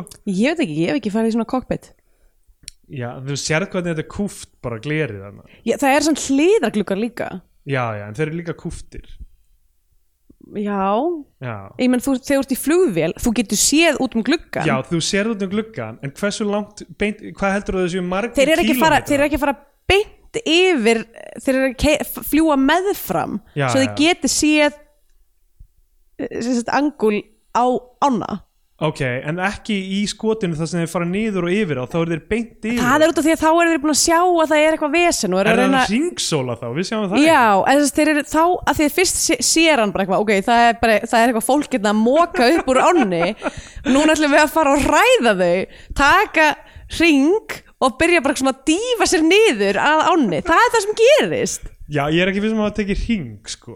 Ok, en ok, þetta er klikkað sko, að enga síður en þetta fór ekki í töðunar með núna er það sem nei, ég segi. ok uh, hann er sem sagt með Sigga Sigurjóns, það Gísli Rúnar og Já. Sigga Sigurjóns, Gísli Rúnar þarna líka einmaður uh, Eddu Björgvins uh, Já, uh, og hann er rosa típa já Einhver Þeir eru, svona- mér finnst þeir mjög finnir sko Já, hann er einhver svona spaða flugmaður Já. og Siggi Sigurjóns er einhver svona algjör bara auðli Já. sem fattar ekki neitt og um, hann hérna er að segja honum herðu, uh, ég er sem sagt með hérna algjöra gullgæs hérna, þetta lagseldi Mhm. sem bara ég, ég móka upp ég er með lagseldi onni, onni þessara á Já.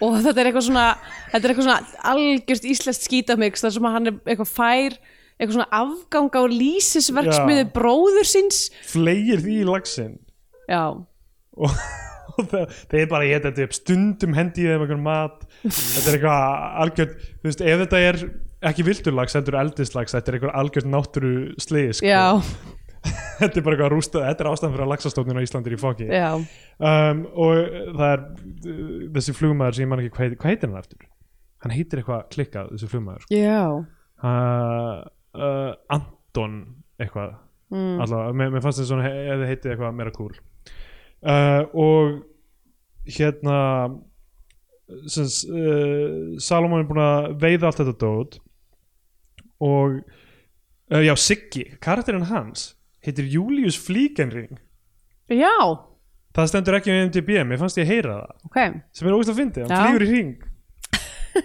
skera, kannski er það foreshadowing Já. að það sem er að fara að gerast og uh, þau fara aftur upp í bústað og þá mæti Lions klúburinn Kitty Já Lions klúburinn Kitty er, er, er hérna uh, keirður áfram af, af uh, ekkert þá leifs Eggerti Þorleifs og þeir eru bara eitthvað að valsa um sumabústaðaland landið til þess að selja klósettpappir og berja tínur já, með svona ljós já, berja ljós kallar það og þetta er mögulega óskilvirkasta leiðin til þess að sapna pening fyrir já en þeir eru, þeir eru virðast bara vera þetta er eitthvað svona algjörðu stúdjus eh, týpur, þeir lappa allir svona, sa, svona saman í röð og syngja lög og eru Já. bara eitthvað svona einhverju þetta lollarar er sko. bara svona gríski kórin í Já. þessu verki já, og hérna og þeirra örlögur eru samofin örlögum aðalpersonu já, þannig að þeir mæta hana og um, er að selja þessa hluti um, Solomon, það sem er búið að gerast er að Solomon alltaf mitti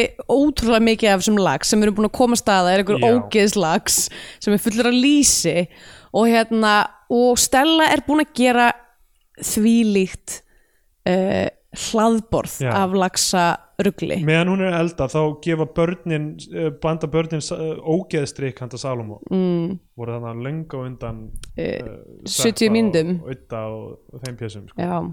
þannig að hérna eh, Simma og Jóa Sim Ó, ég elska hvað hva Simmi er fyndinn og er með góða pólitík oh, það fer svo vel saman Jæks Jæks, jæks, þessi tveir jæks hlutir sem, ge- sem er svo frábæri með hann Eh, Bæði hvað hann er fyndin og hvað hann hvað hann er er með góð fyndin og með góða pólitík Já, mitt. þetta er alveg það sem er í mesta uppáhaldi Hjá með þér. hann, Mm. sko. með öllum hans öðrum kostum sko. þá er þetta tveir uppáhaldslutinu mínum Aha, um, hann hérna svo fyndið maður getur séða stundum á andlutunum fólki þegar það byrjar að forherðast og bara svona, það er svona kreppið það verður svona eins og, þú veist, eins og svona timelapse af, jarð, af vimberi að breytast í rúsinu hann er formaður einhverja samtaka já, hann er talsmaður hérna eitthvað svona, svína eitthvað, fesk já hann, hann er tal, talsmaður fesk sem er uh, félag eigu svínabænda eggjabænda og kjúklingabænda mm. uh, uh, gæti hafa heiti, hefði geta heiti flesk uh, já, mist, Félag. mist, mist tækifæri þar í eigu svínabænda, eggjabænda og kjúklingabænda og þetta er líka, ok, okay fyrir utan hvað hann er fyndinn og góði pólitíkina hans uh, þá held ég að þetta sé svona þriðja uppar er, er Með hann hann. fer fyrir þessum samtíma já, einmitt þannig að þú veist, toppmaður í alla staði og hérna um, hvað vorum við að tala um? Já, ógestrygg Já. og Salomon er svona þess að stríða þeim með því að þykja strekkan allan, hann Já. eitthvað svona tekur sopa og eitthvað bregst við Já. og svona hellir hann honum og, og er svona mm, mm, eins og Já. hann hafi drukkið hann allan og, Mér finnst Jókan og svolítið Kröflu. gaman með þessa mynd að það er væntum þykja eiginlega fyrir öllum já, krakkarnir fá að vaða uppi og vera fyndnir bara, Já, vera að gera silly hluti og uh, Salomon er ekki einu sinni það pyrraður á þeim nei, veit uh, þrátt fyrir örugglega að vera að gangi í gegnum mjög erfiða þingu slash þú veist, eldraun eða eitthvað. Já. en hann er alltaf kátur eftir þetta, hann er með alltaf þess að lagsa hún fyrir að elda og það sem hún eldar eru, og ég er ekki með alla upptalninguna en hún gerir lagsa hlaup Já, lagsa pati lagsa hjarta fyrir Salomon mm, Svolítið sem er gaman. líka hlaup já, lagsa frauð Hvað er það? ég, ég held að sé það sem er svona eitthvað pati eða Já. eitthvað. bara kæf, eða þú veist kannski er eitthvað annað, ég man ekki, en hún gerir alltaf mjög marga lagsa og svo er eitt bara svona stór lags þú Mhm. Já. veist, eitt bara straight up lags og, uh, hún, og þessi lýsisleikt er bara yfir öllu Já, og hann er bara, ég, er þetta partur af programmið já, hann getur bara, þetta er svo einfalt, þú ert komið með þetta hann getur bara sa- sett þetta eftir allt skrítið sem gerist, Já. restina af myndinni Er þetta eitthvað svona sögn í þessu er að, að hérna að hann er látin veiðal eða fyrir honum, ég er að reyna að ímynda mér sko hvernig hann upplifir þetta Já. sem eitthvað svona uh, þolraun er það að því að hann fekk sér drikk þegar hann var að taka lagsin þá verður hann að, að bera ábyrð á gjörðum sínum með því að borðar hann ógeðsfisk Já. sem eitthvað skonar, Þú veist, þú veist, yðrun Ég held sko, þegar ef maður lítur á þetta þannig og þau- þau er ekkert uh, uh, að reyna að útskýra þetta of mikið sko. Já. að hann er að sveiflast fram og tilbaka einhvern veginn með bara hvað er á ég að vera hvað er, til hvers að ætlast að mér hérna Já, og uh, hann uh, hann hefður ekki getað sagt aðeins meira bara eitthvað, ok, ég skil hvað það menar þetta er til þess að, að tón einhvern veginn fyrir þetta eitthvað, Já. en því er bara sleft og það er svo sem ekkert eitthvað vandamállið í svona grínmynd nei, Þú veist, það er bara svona flýtur með þessi svona röksendafærsla sem líklega er til staðar í hans haus já, um, hún ákveður að bjóða bara öllum uh, Lionsklunum minn að borða þetta dót. já að því að, vill, að því að krakkarnir og Sal Solomon vilja, vilja alls ekki borða hennan ógeðslags Já. uh, hins, hins vegar er Lions klubburinn mjög til í þetta og þeir allir hérna, vaði í fiskin og virðast bara borða hann með bestu list Já, þeir eru búin að syngja eitthvað lag fyrir hana í þessum Lionsklubur er náttúrulega þú veist, Pálmi Gesson, Örn Árnason Kjartan Bjargmundsson já, það er fullt af einhvern veginn svona uh, og þeir eru líka með bara tvær harmonikur og já, eitthvað bara, bara geggjastu um, og uh, já, það, það er ekki fyrir þarna sem fórnu krakkarnir hjálpa að gogga upp úr læknum já, og hann er aftur komin á spórið eftir henni hann er svona ticking clock elementi í þessu, mm. þetta, þetta er alltaf að fara að gerast þegar hann mætir, þá verður eitthvað showdown, sko, maður veit það Mm. um, svo sem sagt segir hún við það herriðu, allir, bara ef þið viljið veiða farið bara niður í þessa laxa og já. það Og er bara- mók veiði þarna fokk veiði þeir rigga upp bara einhver svona siglufjörðar síldarvinnslu Já. Einhver svona síldarplan þar sem þeir eru bara að verka laxinn Já. það er bara, þeir eru bara að dansa- Saltan. saltan þeir eru að taka svona dansinn þar sem að krækir höndum vill maður saman og fer í salta hringi. lags það er Ég held að eitthvað það sé- ætt Mm, ok Uh, en já, það er sérst bara eitthvað heljarinnar partí þarna niður við læk já, sem flugvillin hérna, flýgur yfir Já. og, og sér hvað er í gangi og, hérna, og, og flugmaðurinn verður náttúrulega alveg snældu já, vitlaus já. Sko, sko ég vil ekki fara aftur í eðlisfræði og, og svona landfræðilegu raukræðinar sko.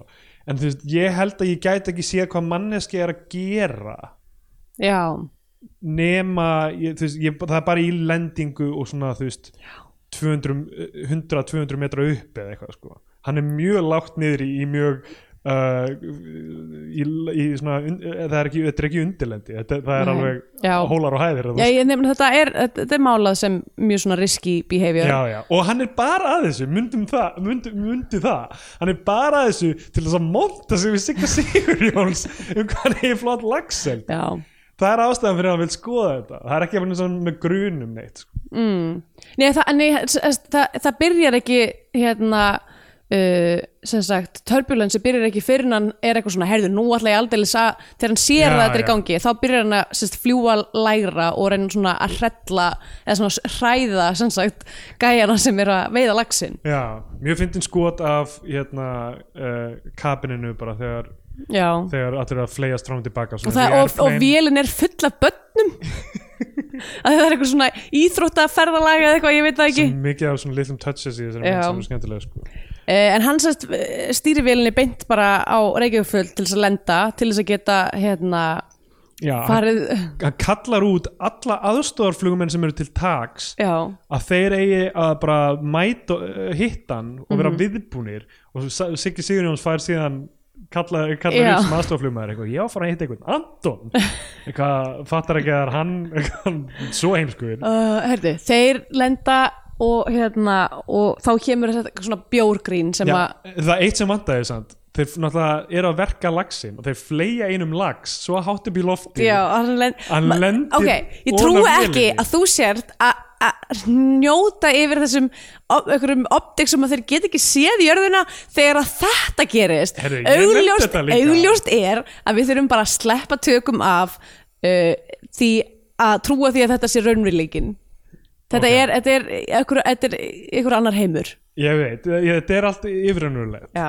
en, hérna, en ég, ég, ég var kannski bara aðalega að tala um þegar ég sá þetta fyrst og var kannski ekki alveg í skapi fyrir það ég skil og þá var ég bara eitthvað svona, þetta er ekki mögulegt þú getur ekki fleikt lags upp í lofti þannig að hann lendi og hann á flugvél Mm. bílað, bara hugsaðu um hraðan sem flugvélin á og lagsin bara eitthvað oh, svona og Kristina var bara já, já, pollur. já, já ég heyri hvort þú segja, Já, þú saknar af það einn síst Já. ég kom hennar kondu hérna, kondu hérna um, og um, já, sem sagt það er mjög fyndið þeir lenda sko, og, og fara að labba yfir á tröppurnar sem sagt við sem svona mæta til þú getur labba út í flugvélina fyrir svona tröppur já, og maður bara afstæða það keirir burt á tröppinu þannig að einn bara eitthvað svo dettur og hangir í Mér finnst þetta Mjög mjög fyndin dýrkeypt. karakter svona líka hvernig hann er í flugstöðin og er bara eitthvað svona og líka svo er allir allir komin með riffla mér finnst eitthvað svona það tekur mjög eitthvað tollvörð og bara lemur hann fleir honum á bara færibandi Já. af því að hann vill ekki leifa honum að fara með ógeðslega mikið bjóri gegnum tollin hann bara, eitthvað, þú maður bara að fara með eitt kassa og hann bara eitthvað buffar hann á tollvörð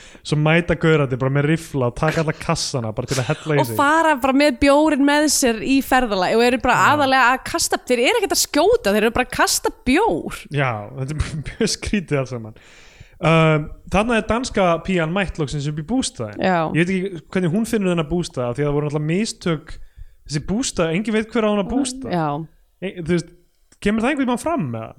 já eða nei, Nei, eða já Af eða á, því er ekki svarað beint eða á ská Það er ekki gott að vita svarið Nei, um, en hérna hún reynir að komast inn í hann bústað líka Salomon spottar hana og það er mjög fyndið svona physical comedy bit þar sem hann er eitthvað hjálp henni aftur út já hún er föst í ykkur um litlum glugga Já, hún að er- því hún er að reyna að brjótast inn í bústæðin mjög ruggla og er eitthvað með nærbuksunar náttúrulega bara sjást í gegnum uh, sokkabuksunar og hann eitthvað grípur hana og svo er hann að reyna að bera hana burt í fanginu þar sem hún er eitthvað "Ah!" og hún er eitthvað að reyna að taka töskuna sí- sína, hann tekur töskuna hennar og jakkan hennar og er að fleygist öll á sig og er að bera hana burt Já, mjög fyndið svona dæmi um, flugmennindin mæta þarna uh, það sem allir eru að dansa síldarvals og eru bara og það er bara eitthvað showdown það kemur bara svona tónlist sko, Valgeir Guðjónsson gerir tónlistin í þessu það kemur bara tónlist eins og þess bara í sla, stríðsatriðum í Mm. bara Þetta myndi mig pínu á cowboymyndum eða- hérna uh, bardagatriði í angurmann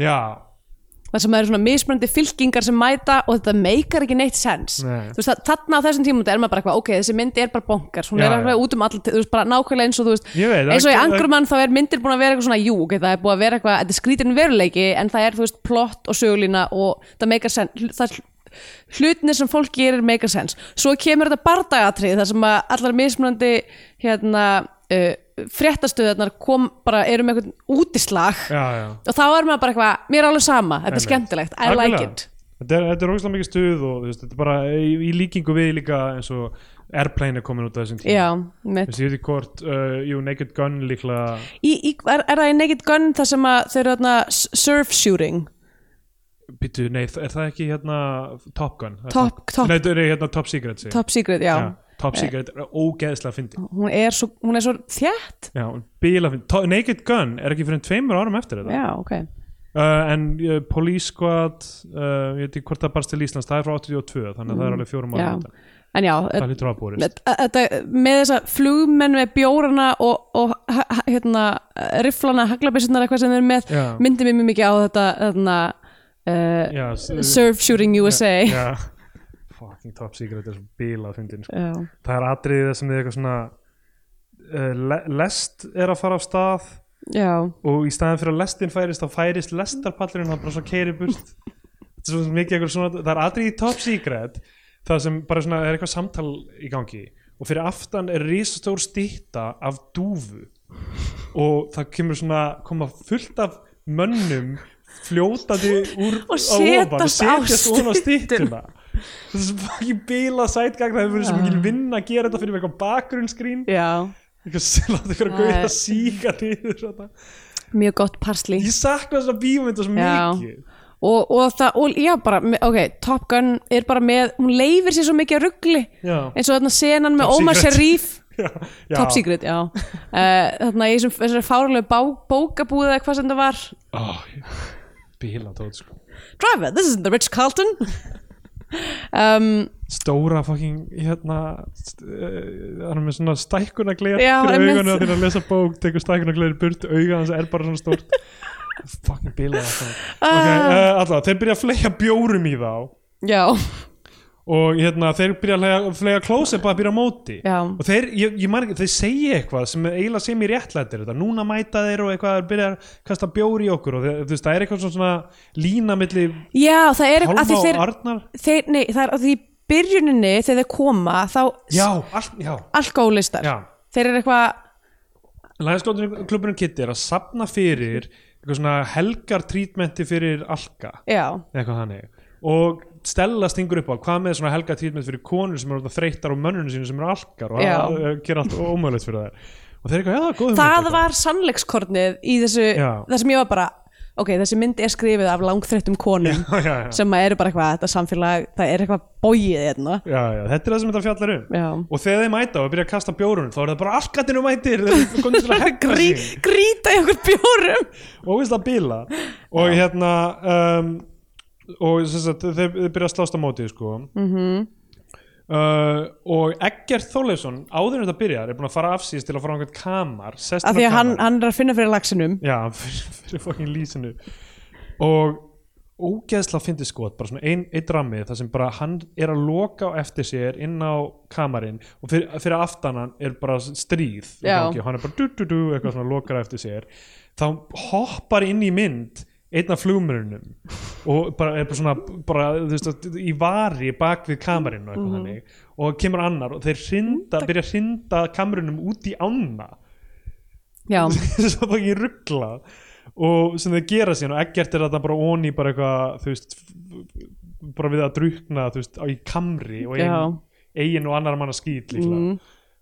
bíladæmi uh, Salomon er orðin allur, allur uh, ringlaður þarna á, á þessum tímpúti byrjar að hrópa hvað er lífet eitthvað er þetta með konuna er hann eitthvað svona að þetta er einhver önnur þólraun af því að ég var, ég var, hérna, ég var kvennabósi Já. í mínu fyllirist lífi og er þessi, er þessi danska kona hérna til þess að minna mig á það eitthvað svona gæti verið uh, þetta sé þú veist kannski er þetta allt bara kannski heldur hann að hann hafi skráð sig í The Game sem er önnur mynd sem kom út eftir Stellu Jólofi wow, og mögulega var David Fincher með, með það í huganum þegar það skrifaði The Game einmitt og svo náttúrulega Stella Goddard, how Stella Goddard Eh. þetta er Grooveback allt saman, Þetta er Stella er uh, Áhrifamikill. já, hérna uh, slagsmál enda þannig að uh, aðalflugmaðurinn Já, Anton Anton kemur auga á Eggert þar sem hann er að brjótast út úr kamrinum í miðri á og er bara, bara do mine eyes deceive me Já. er þetta þú Nei, er þetta þú? Hann heitir Ágúst eða já. eitthvað. Augusti eða eitthvað Þe- það er, er, ég, er ég að berjast við minn eigin Lions Club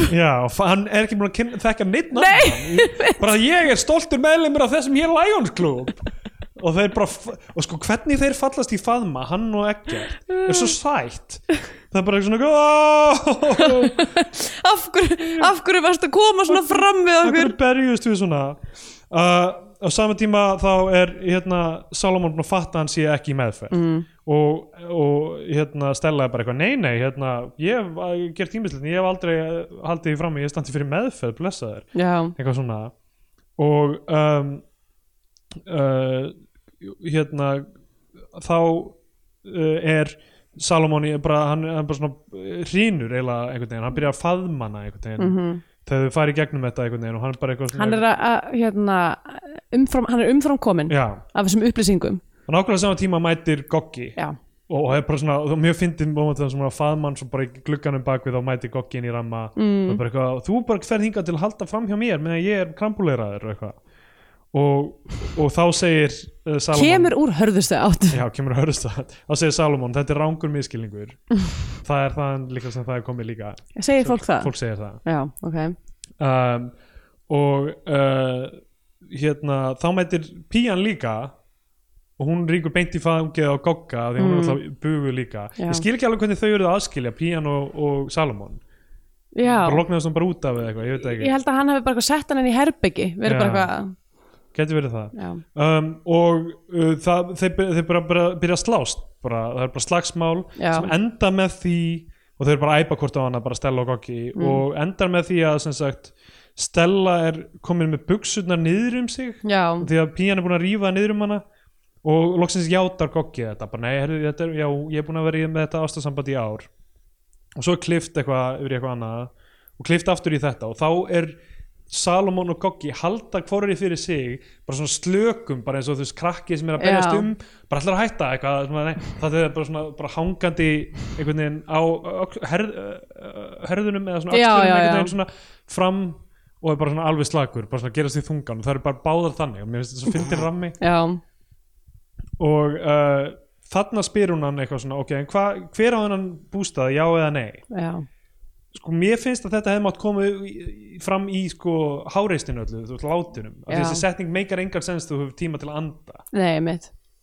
af því að ég skilda meira að þau eru að slást bara hver á hennan bústað, svara mér já eða nei er það samt Eitthvað ekki pínu þannig? nei, það, þarna er allt búið að róast aðeins sko. Ok. þau eru bara svona aðeins að sk- eiginlega skiptast á bara. en þau eru að rífast, þau eru bara ekki að slást lengur Já, en það er samt svona meira bara ég segir hlut og svo segir þú hlut þetta er Já. ekki svona bara fleja fram og tilbaka jafn mikið mm. þannig að þú veist, mér fannst það eiginlega meika meira sens í Já. minningunni Já, þetta var ekki, það, þetta hefði, þú veist, af því að ég hef mitt hafði aldrei séð þetta aður og ég var að bú- einhvern einhvern veginn að búast við að þetta myndi vera toppurinn á reyfrildinu, Já. það myndi enda þarna og, og svo, svo myndi svona absurdity af þessu vera ljóst og, Já. og þau myndu einhvern veginn Hlæja róast, eða já, eitthvað. nákvæmlega Mm. þetta er alveg crazy town setning og síðan bara, þú veist, gerist ekki þannig séð sko. Mhm. -hmm. um, og uh, meðan eru krakkarnir úti búin að kynast fornukrökkunum og búin að orðin vinir þeirra búin að Mm. Já. skiptast á leikfengum við þau Já, þau eru svo sætt, lítið já, örk fyrir fornukrakkana og, og börnin og það er einhver, einhver tenging þarna milli sveit, sveitakrak, sveitakrakkana og borgarkrakkana það er eitthvað svona Já. sveit í borg situation uh, að þau, þau er eitthvað svona menningarskipti þar sem að þau fá okkur gamla gæru Já. á, gegn, gegn þessum köllum og þau eru að fara að keira úr bústæðnum þarna, þetta er, uh, bú- það- fólk er ekki sátt en það er allavega ok, komum okkur í bæin einhvern veginn mm. uh, þögult samkomulega um það og þá kemur þetta er langur brandari um þessa gæru finnst mér sko já, af því að þau eru með gærun í bílnum og eitthvað, hvað líkt, eða þessi illaliktandi gæra farið, ta- farið með hann úr bílnum og þá er uh, Stella eitthvað já út með hann og byrjar eitthvað að henda dönsku stelpunni út já, og segir eitthvað, já, ég nei, ég meinti gæru eitthvað, þú veist, það er eins og mikið frá hann tilbaka þannig finnst mér já fyrir sem hefði geta verið og einna línu þessi, brandari já, og þessi bit, og, og, þetta bit með þú veist, hver er að fara að vera inn í bílnum já, það er svona eitthvað Já. handagangur í öskjunni og endanum sko uh, er það Salomon eh, eftir að Goggi er búin að eitthvað, eh, fara á hark, hjóla og harkali í selju þá ríkur Salomon út mm. uh, Ja, hann, Goggi er bara eitthvað, þessi, þessi maður ákveðt að vera hérna, hann var að drulla sér út og, hérna, og Stella er eitthvað svona "F, ok, Solomon, út úr bílnum Já. en svo er, bara, er Goggi bara svo ógeðslega leiðilegur að Sal Solomon er bara, herru, já, núna er nóg komið rífur Gogga út og þau kera öll án já, uh, Gogga og dönsku moment úlingstelpunar Já. koma þar rétt áður þar sem að þeir voru búin að vera að rífast og slást og hún kemur fram úr herbygginu með litlu krakkana og er bara bara þú veist, þeir eru að hafa ykkur eins og börn nú ætla, ég- ég, ég, ég, ég ætla að fara með börnin bara, hún Já, tekur já, bara svona fullorins hlutverkið í þessu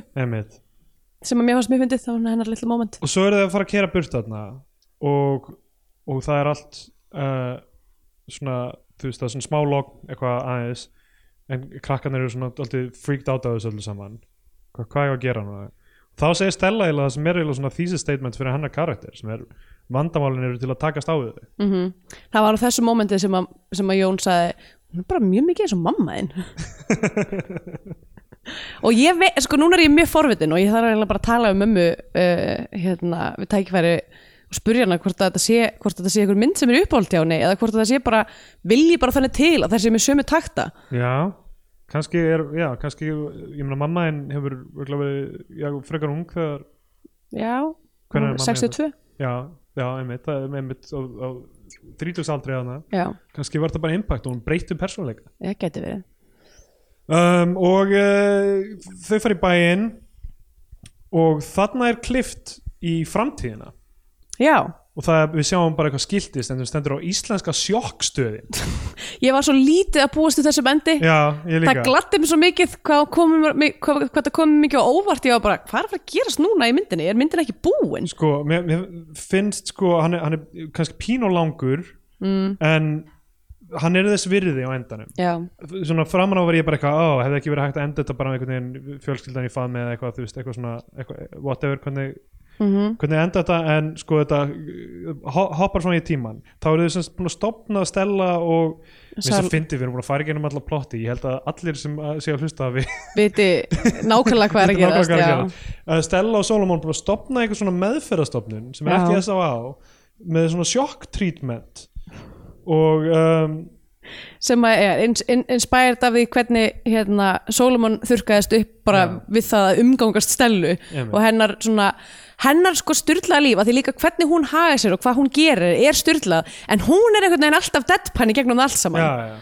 sem að er, þú veist, það finnst mér svo fyndið einmitt eða deadpan í því að vera alltaf bara brosandi og venjulega Já, og líka bara að að nálgast, þú veist, það er einhverju klikkaðar hlutir að gerast í kringum hana og hún er alltaf bara, jæja, þetta er bara svona eins og það er. já, já. Þú veist, heldur bara áfram ótrött, hún stoppar ekki til þess að, til þess að nótera a- absurdityið. Lífið hennar er absúrt og hún er bara, hún er, þú veist, auga stormsins. já, hún er í algjörlega auðvitað stormsins, það er vel sagt og uh, Uh, hún hún er, þú veist, hún er í einhverju blaðaviðtalið þarna eða eitthvað svona, þetta er fyrsti dagurinn og það, fólk mætir og hún er eitthvað hvað eru þið fjölskylda búin að vera lengi nei, það er, það er síman, ringir einhver inn eitthvað, já, hvað eru þið fjölskylda búin að vera lengi í glasi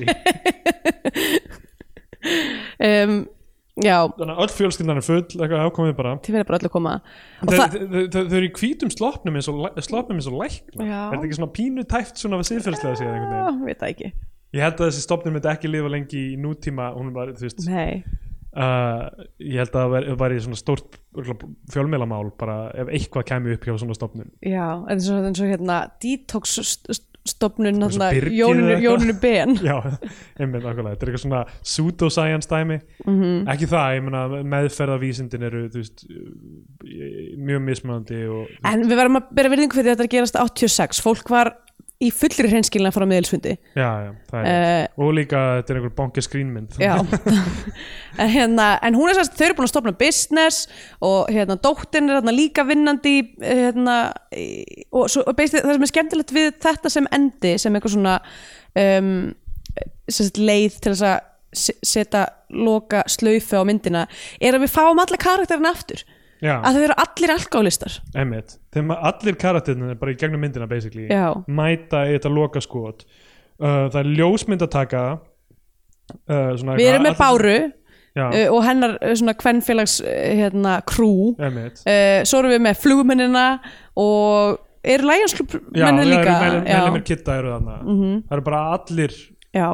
alkar allir eru komnir Já. til þess að láta sjokkera sig í, hérna, í uh, já, heilbreyðarlýrverni ógislega fyndið það svona borðið sem stendur á hæ-hó alkar það hlýtur einhver að hafa fyrir heimapartí gert svona borða bara eitthvað hæ-hó alkar það er ekki ekki að, já, uh, og svo er eitthvað svona segið sís eitthvað þannig já og þá Eitthvað kemur er- fyrsta sjokkið að dömpast vatni yfir alla Já, já. á momentinu sem að myndin er tekin og þá er bara myndin búin Einmitt, þeir eru blöytir eins og laxandir í áni yes. eða selir eða selir og, eh, Eru þeir selir?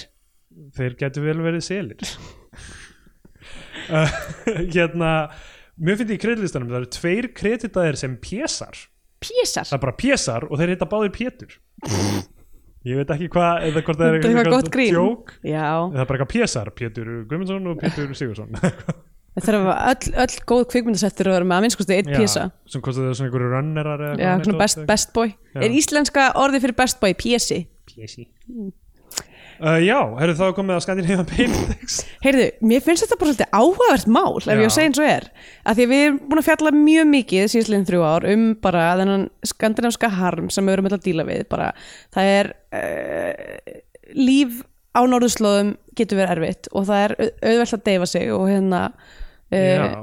og svona fjölskyldvandra og svo leiðis hérna, að því þessi mynd er alveg, hún er með alkoholismi er náttúrulega megin þema myndarinnar framhjáhald, uh, óhamingjusam tjónaband, það er rosa mikið af road strangers Já, uh, já, þessi, þessi, forn, þessi fornu krakkar uh, sveitafólki, þarna hesta uh, að því að Bessi kemur aftur já líka hann, hann mætir í og svona skakkar leikin í slagsmál Já, og hann, nei, hann er samt bara hvað, hann er bara, herðu, þið, ef þið ætla að vera með byssur hérna, þá þurfum við að kaupa byssuleifi. Já, ok Hvað?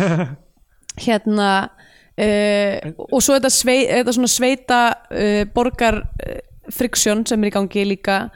Um, það er svo margt einhvern veginn mjög íslenskt við þetta, en hún er samt, þú veist, þessi mynd keirir áfram á, á væntumþyggju Já, já sem að Algjörlega. sem að er, eh, þú veist andstæðan við Scandinavian Þau er Pain langt í burtu frá þér en- þannig að þú veist það eru sömu kannski umfyllunarefni og oft í harm, harmmyndunum nema einhvern veginn er, er, er það tækla með ást í staðin fyrir staðin fyrir deprimeringu Já, sem að mér er stókslega nett Já, af því að sko, eins og segir í erindi tvö af læginu síðan fyrirfinnst fólk sem þarf enga sálfræði bara skundar beint af augum gefur það skít í öll vandræði meðan aðrir liggja upp í rúmi svo þungum þöngu, í þöngunum svo ekki sé minnst á þá sem fjarka í böngunum þessi mynd sá fyrir bankarninu hvað er fallir en Þjóðarósóttina Stella- meinaru? Já, þjóðarósóttina Stella í Orlofi hún á svo sannlega skilið að fara í frí hún Stella hún á svo, sann, svo innilega inni fyrir því já, er, er, er annað erindi Einmitt. þar er fjallað um sko, við erum búin með annars vegar sko, alla sem er stressaðar hins vegar sel- stelu sem er einhvern veginn seni við þessu mm. og, og dílar við það um, já, þetta eru góði punktar með hérna, ég er nefnilega veit ekki hvort ég ætti þá að gefa henni eitthvað svona mínus já, eitthvað svona punkt eða þú veist þá uh, bara mínus 5 af mínus 8 uh, óhreinum gærum já, já, bara mínus Mín- þessi skali er svo ótrúlega scientific ég vil- vil að einhver taki saman allar einhvernum þar Já. og búi til einhver svona logaritma eða eitthvað svona erfitt með þetta. mínus tvei- tvær tveir af fimm laxaréttum stöplaritt Já, það, er, það lítur að vera hægt að balansa þetta einhvern veginn. ok, Það komið tímabundið þessum geomyndina success á flagskip íslenska kvikmynda að fara í íslenska fánan eða við mælum með því að ba- eða hlustendur hóra ykkur á bandarinska Hollywood-dellu og fara um bandarinska bjánan. já Viltu byrja? Já, ég skal byrja. Hérna, ég, nú erum við búin að horfa svolítið mikið á, uh, við erum búin að horfa á marga farsa, farsar eru íslenskt dæmi og hérna, þess eru bara mjög, voru á tímabili mjög vinsælir uh, sem grínformat á Já. Íslandi og, og þú veist, og þessi til dæmis sem er náttúrulega skrifa af Kunni Halldór sem að fer síðan setna og gerir hérna Kallegorn Heklu sem er Já, líka já. margt, eh, margt til svipuð í, í svona uh, einhvern veginn uppbyggingu og, og Minna gríni silly. minna silly, ótrúlegt um satt um, og, og, og svo náttúrulega líka einhvern veginn þetta, þetta krú sem er að gera þessa myndir sem eru, þú veist alltaf konunar sem eru líka bera ábyrð á uh, til dæmis uh, skilabóti söndru Já, og hérna og fleira um, mér finnst einhvern veginn einhvern veginn vegna skemmtilegra mér, mér er meira gaman að þessum myndum heldur en til dæmis lífsmyndunum já miklu. af því að þær eru þær eru það er einhver hamingja og fegur í þeim Já. og, og svona núans í væntumþykju sem að ég, mað, mað, mað finnst, mér varst mér erfitt að horfa á lífsmyndirnar út af því að því að það var bara, þú veist, það var bara mannvonska Já, eiginlega. við ljót sín einhvern veginn á Já. hvernig mannfólki er sko. Meðan Einmitt. Þetta Að er, meina í þetta rauninni er- allir vilja bara eitthvað hlýju og vinnatu og... Já, og það eiga allir afturkvæmt Já. það eiga allir sjensi í þessum heimi Einmitt. er það sem þessi mynd segir og þú veist, Meirsa Goggi sem fer í fucking meðfríloki. nákvæmlega og ef ég ætti að, ég náttúrulega spólum fram með því Já. hvernig hann er eitthvað svona já, komin með eitthvað tagl og er komin í eitthvað leðurjakka já og með er búin að eitthvað einhverjum, einhverjum p- ungu fólki á trukki og Já. hann bara eitthvað fer út þarna og mæti bara í meðferðin já, hérna er að af öllum þessum svona myndum sem eru margar í íslenskri kvikmyndasögu svona grínmyndir að þá er ég mest eiginlega til í að setja þessa á flagskipið Já. af því að ef ég þyrfti að útskýra fyrir fólki bara þetta er hvernig húmor var í Íslandi í mjög langan tíma og þetta er, ást, þetta er mjög ástsæl mynd já, að þá myndi þetta vera gott dæmi um þá menningu fyrir Já. útletting til þess að reyna að skilja og svo náttúrulega á tíundu áraturnum þá er þú veist Óskar Jónasson að gera þú veist, perlur og svín og Já. eitthvað svona sódómu Sem sem, að- er svona uh, fyrir aðeins yngri kynnslóðina jafnvel svona meira rock og punk mm. útgáfur af þessu í rauninni. Mhm. Já, en og það er við samt- vitum hann er að hlusta og þú veist þannig að hann, hann hlýtur að taka til sín sko, sinn sess í þessari röð Þráin Bertilsson Já. og síðan þetta uh, sem er meiri hlýja á kvenkinsjónamiði mm -hmm. Mhm. og síðan Óskar Já, einmitt. Uh, já, við, ég hef náttúrulega setti bæði Perlur og Svín og Sódóma Já, já. og Flagskipið, svo best sem ég viti. En, hérna, en já, ég, hún er ekki fullkomin þessi mynd, langt í frá. Nei. Uh, tónlistin er óbærileg fyrir utan náttúrulega þemalægið sem að er, þú veist, alveg Já, skemmtilegt já. og það er, það er rosa mikið eitthvað svona bara túburugl Já. uh, sem að getur verið mjög pyrrandi um, en sko, alveg eins og ég fílaði við skilabóti söndru það var það bara hlýja aðleikarans sem að hjælt myndin saman einhvern Já, veginn, já. að hann var bara, hann var bara sjarmatröll Einmitt. um, og Edda í þessari, mynd- og ég skil núna ótrúlega vel af hverju allir allir elska Eddu Björgvins Já. uh, að því að hún er bara hún er svo ljúf og falleg einhvern veginn bara að maður finnur það í gegnum myndina Einmitt. og það er líka verið að segja eitthvað mjög mikið í þessum myndum þú veist, Guðnýjar og Hmm. Þórildar og eitthvað svona. það er, það er alltaf það er aðeins verið að reyna að le, le, þú veist, berja eitthvað inn í fólk Já. á þessum tíma sem kannski skilaði sér ekki en þú veist allavega eh, allavega þá þótti fólki gaman á meðan Já. Það var og það alveg- er, alveg alveg ga, hugsunarvert. það er alveg gaman að sé líka þú veist þótt að þetta sé bara eitthvað svona alveg topsy-turvy skrítin gaman mynd að þá er samt verið að reyna að segja eitthvað líka um Já. samfélagið með henni uh, Já, ég veit ekki, ég, hérna, ég ætla bara að setja henni á flagskipið já sko, ég veit þín yfir til mín ég, já, var búin að vera stressaði fyrir þessum þætti mjög lengi mm. ég, þú veist, mér langaði ég að taka hann sinn live þátt og fara, taka bara fullkomlegt svona wrestling heel svona, þú veist, þegar Hulk Hogan snýrist og var Hollywood Hogan og það Já. er bara eitthvað, ég nærist á fucking búinum ykkar, bú, allir að búa mig fyrir að setja Já, la- henda stelu í eh, sjóin bandarinska Já. podlin af, af rugli, skilur einmitt á samt uh, okkar á milli og einn stór fjölskylda og Já. nei, er ekkert svar og veggfóður svo mm.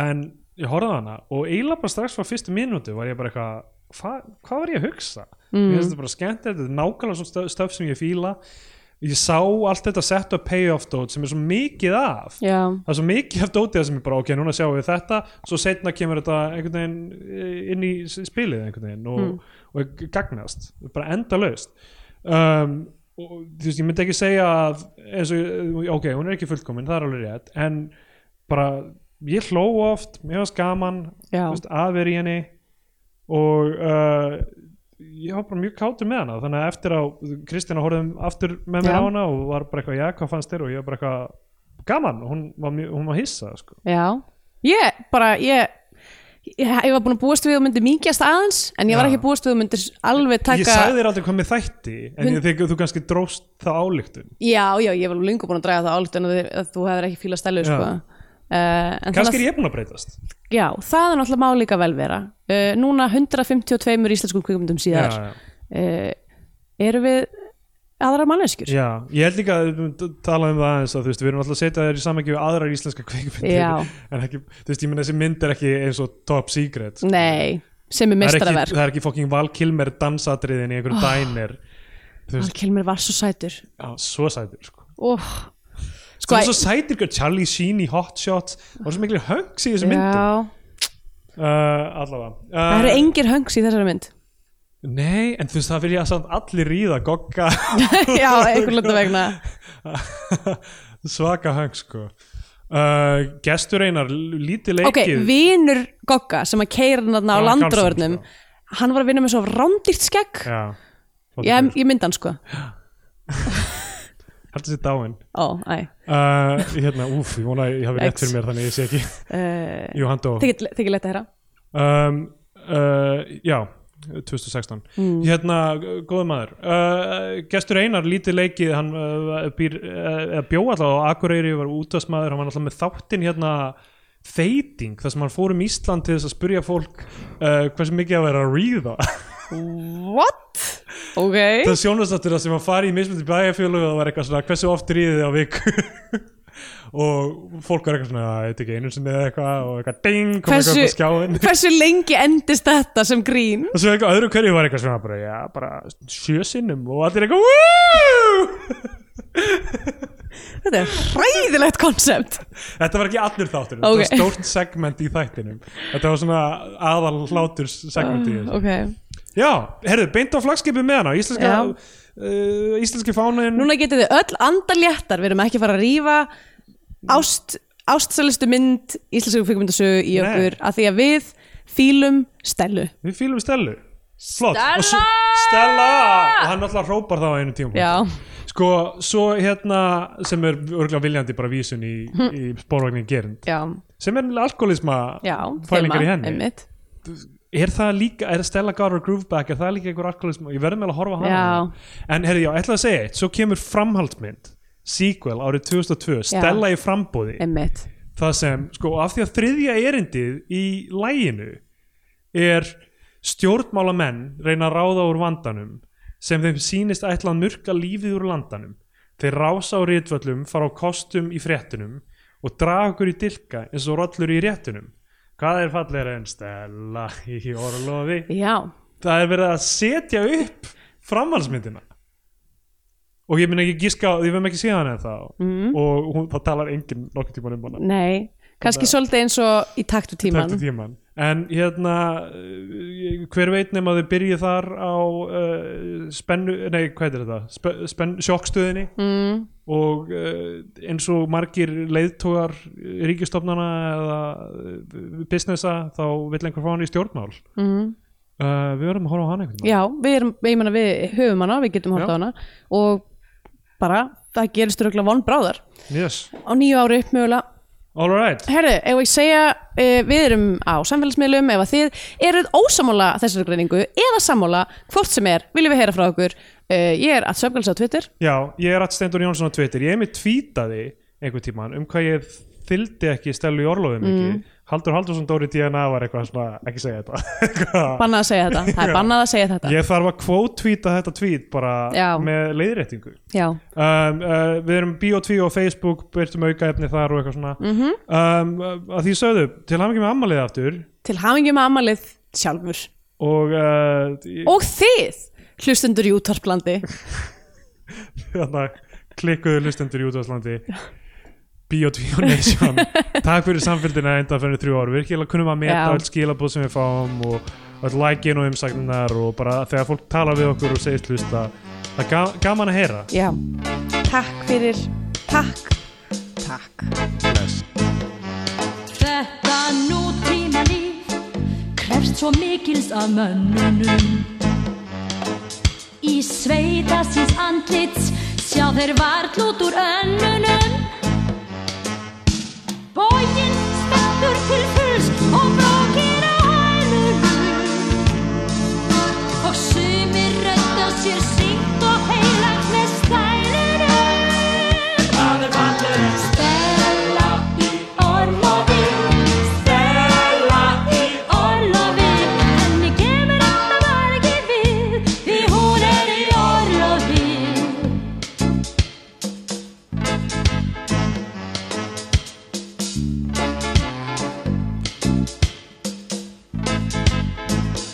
Síðan fyrir því fólk sem þarf enga sálfræði bara skundar beint að augum gefur skít í öll vandræði meðan aðrir liggja upp í rúmi svo þungum í þekkunum að ekki sé minnst á þá sem þjakka í böngunum Stella í orlofi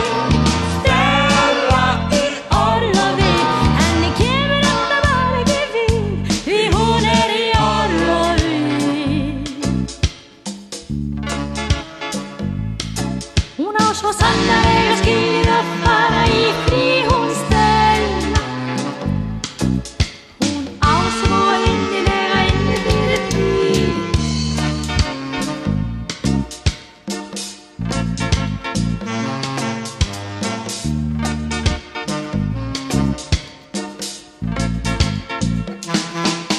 Stjórnmálamenn reyna að ráða úr vann um um er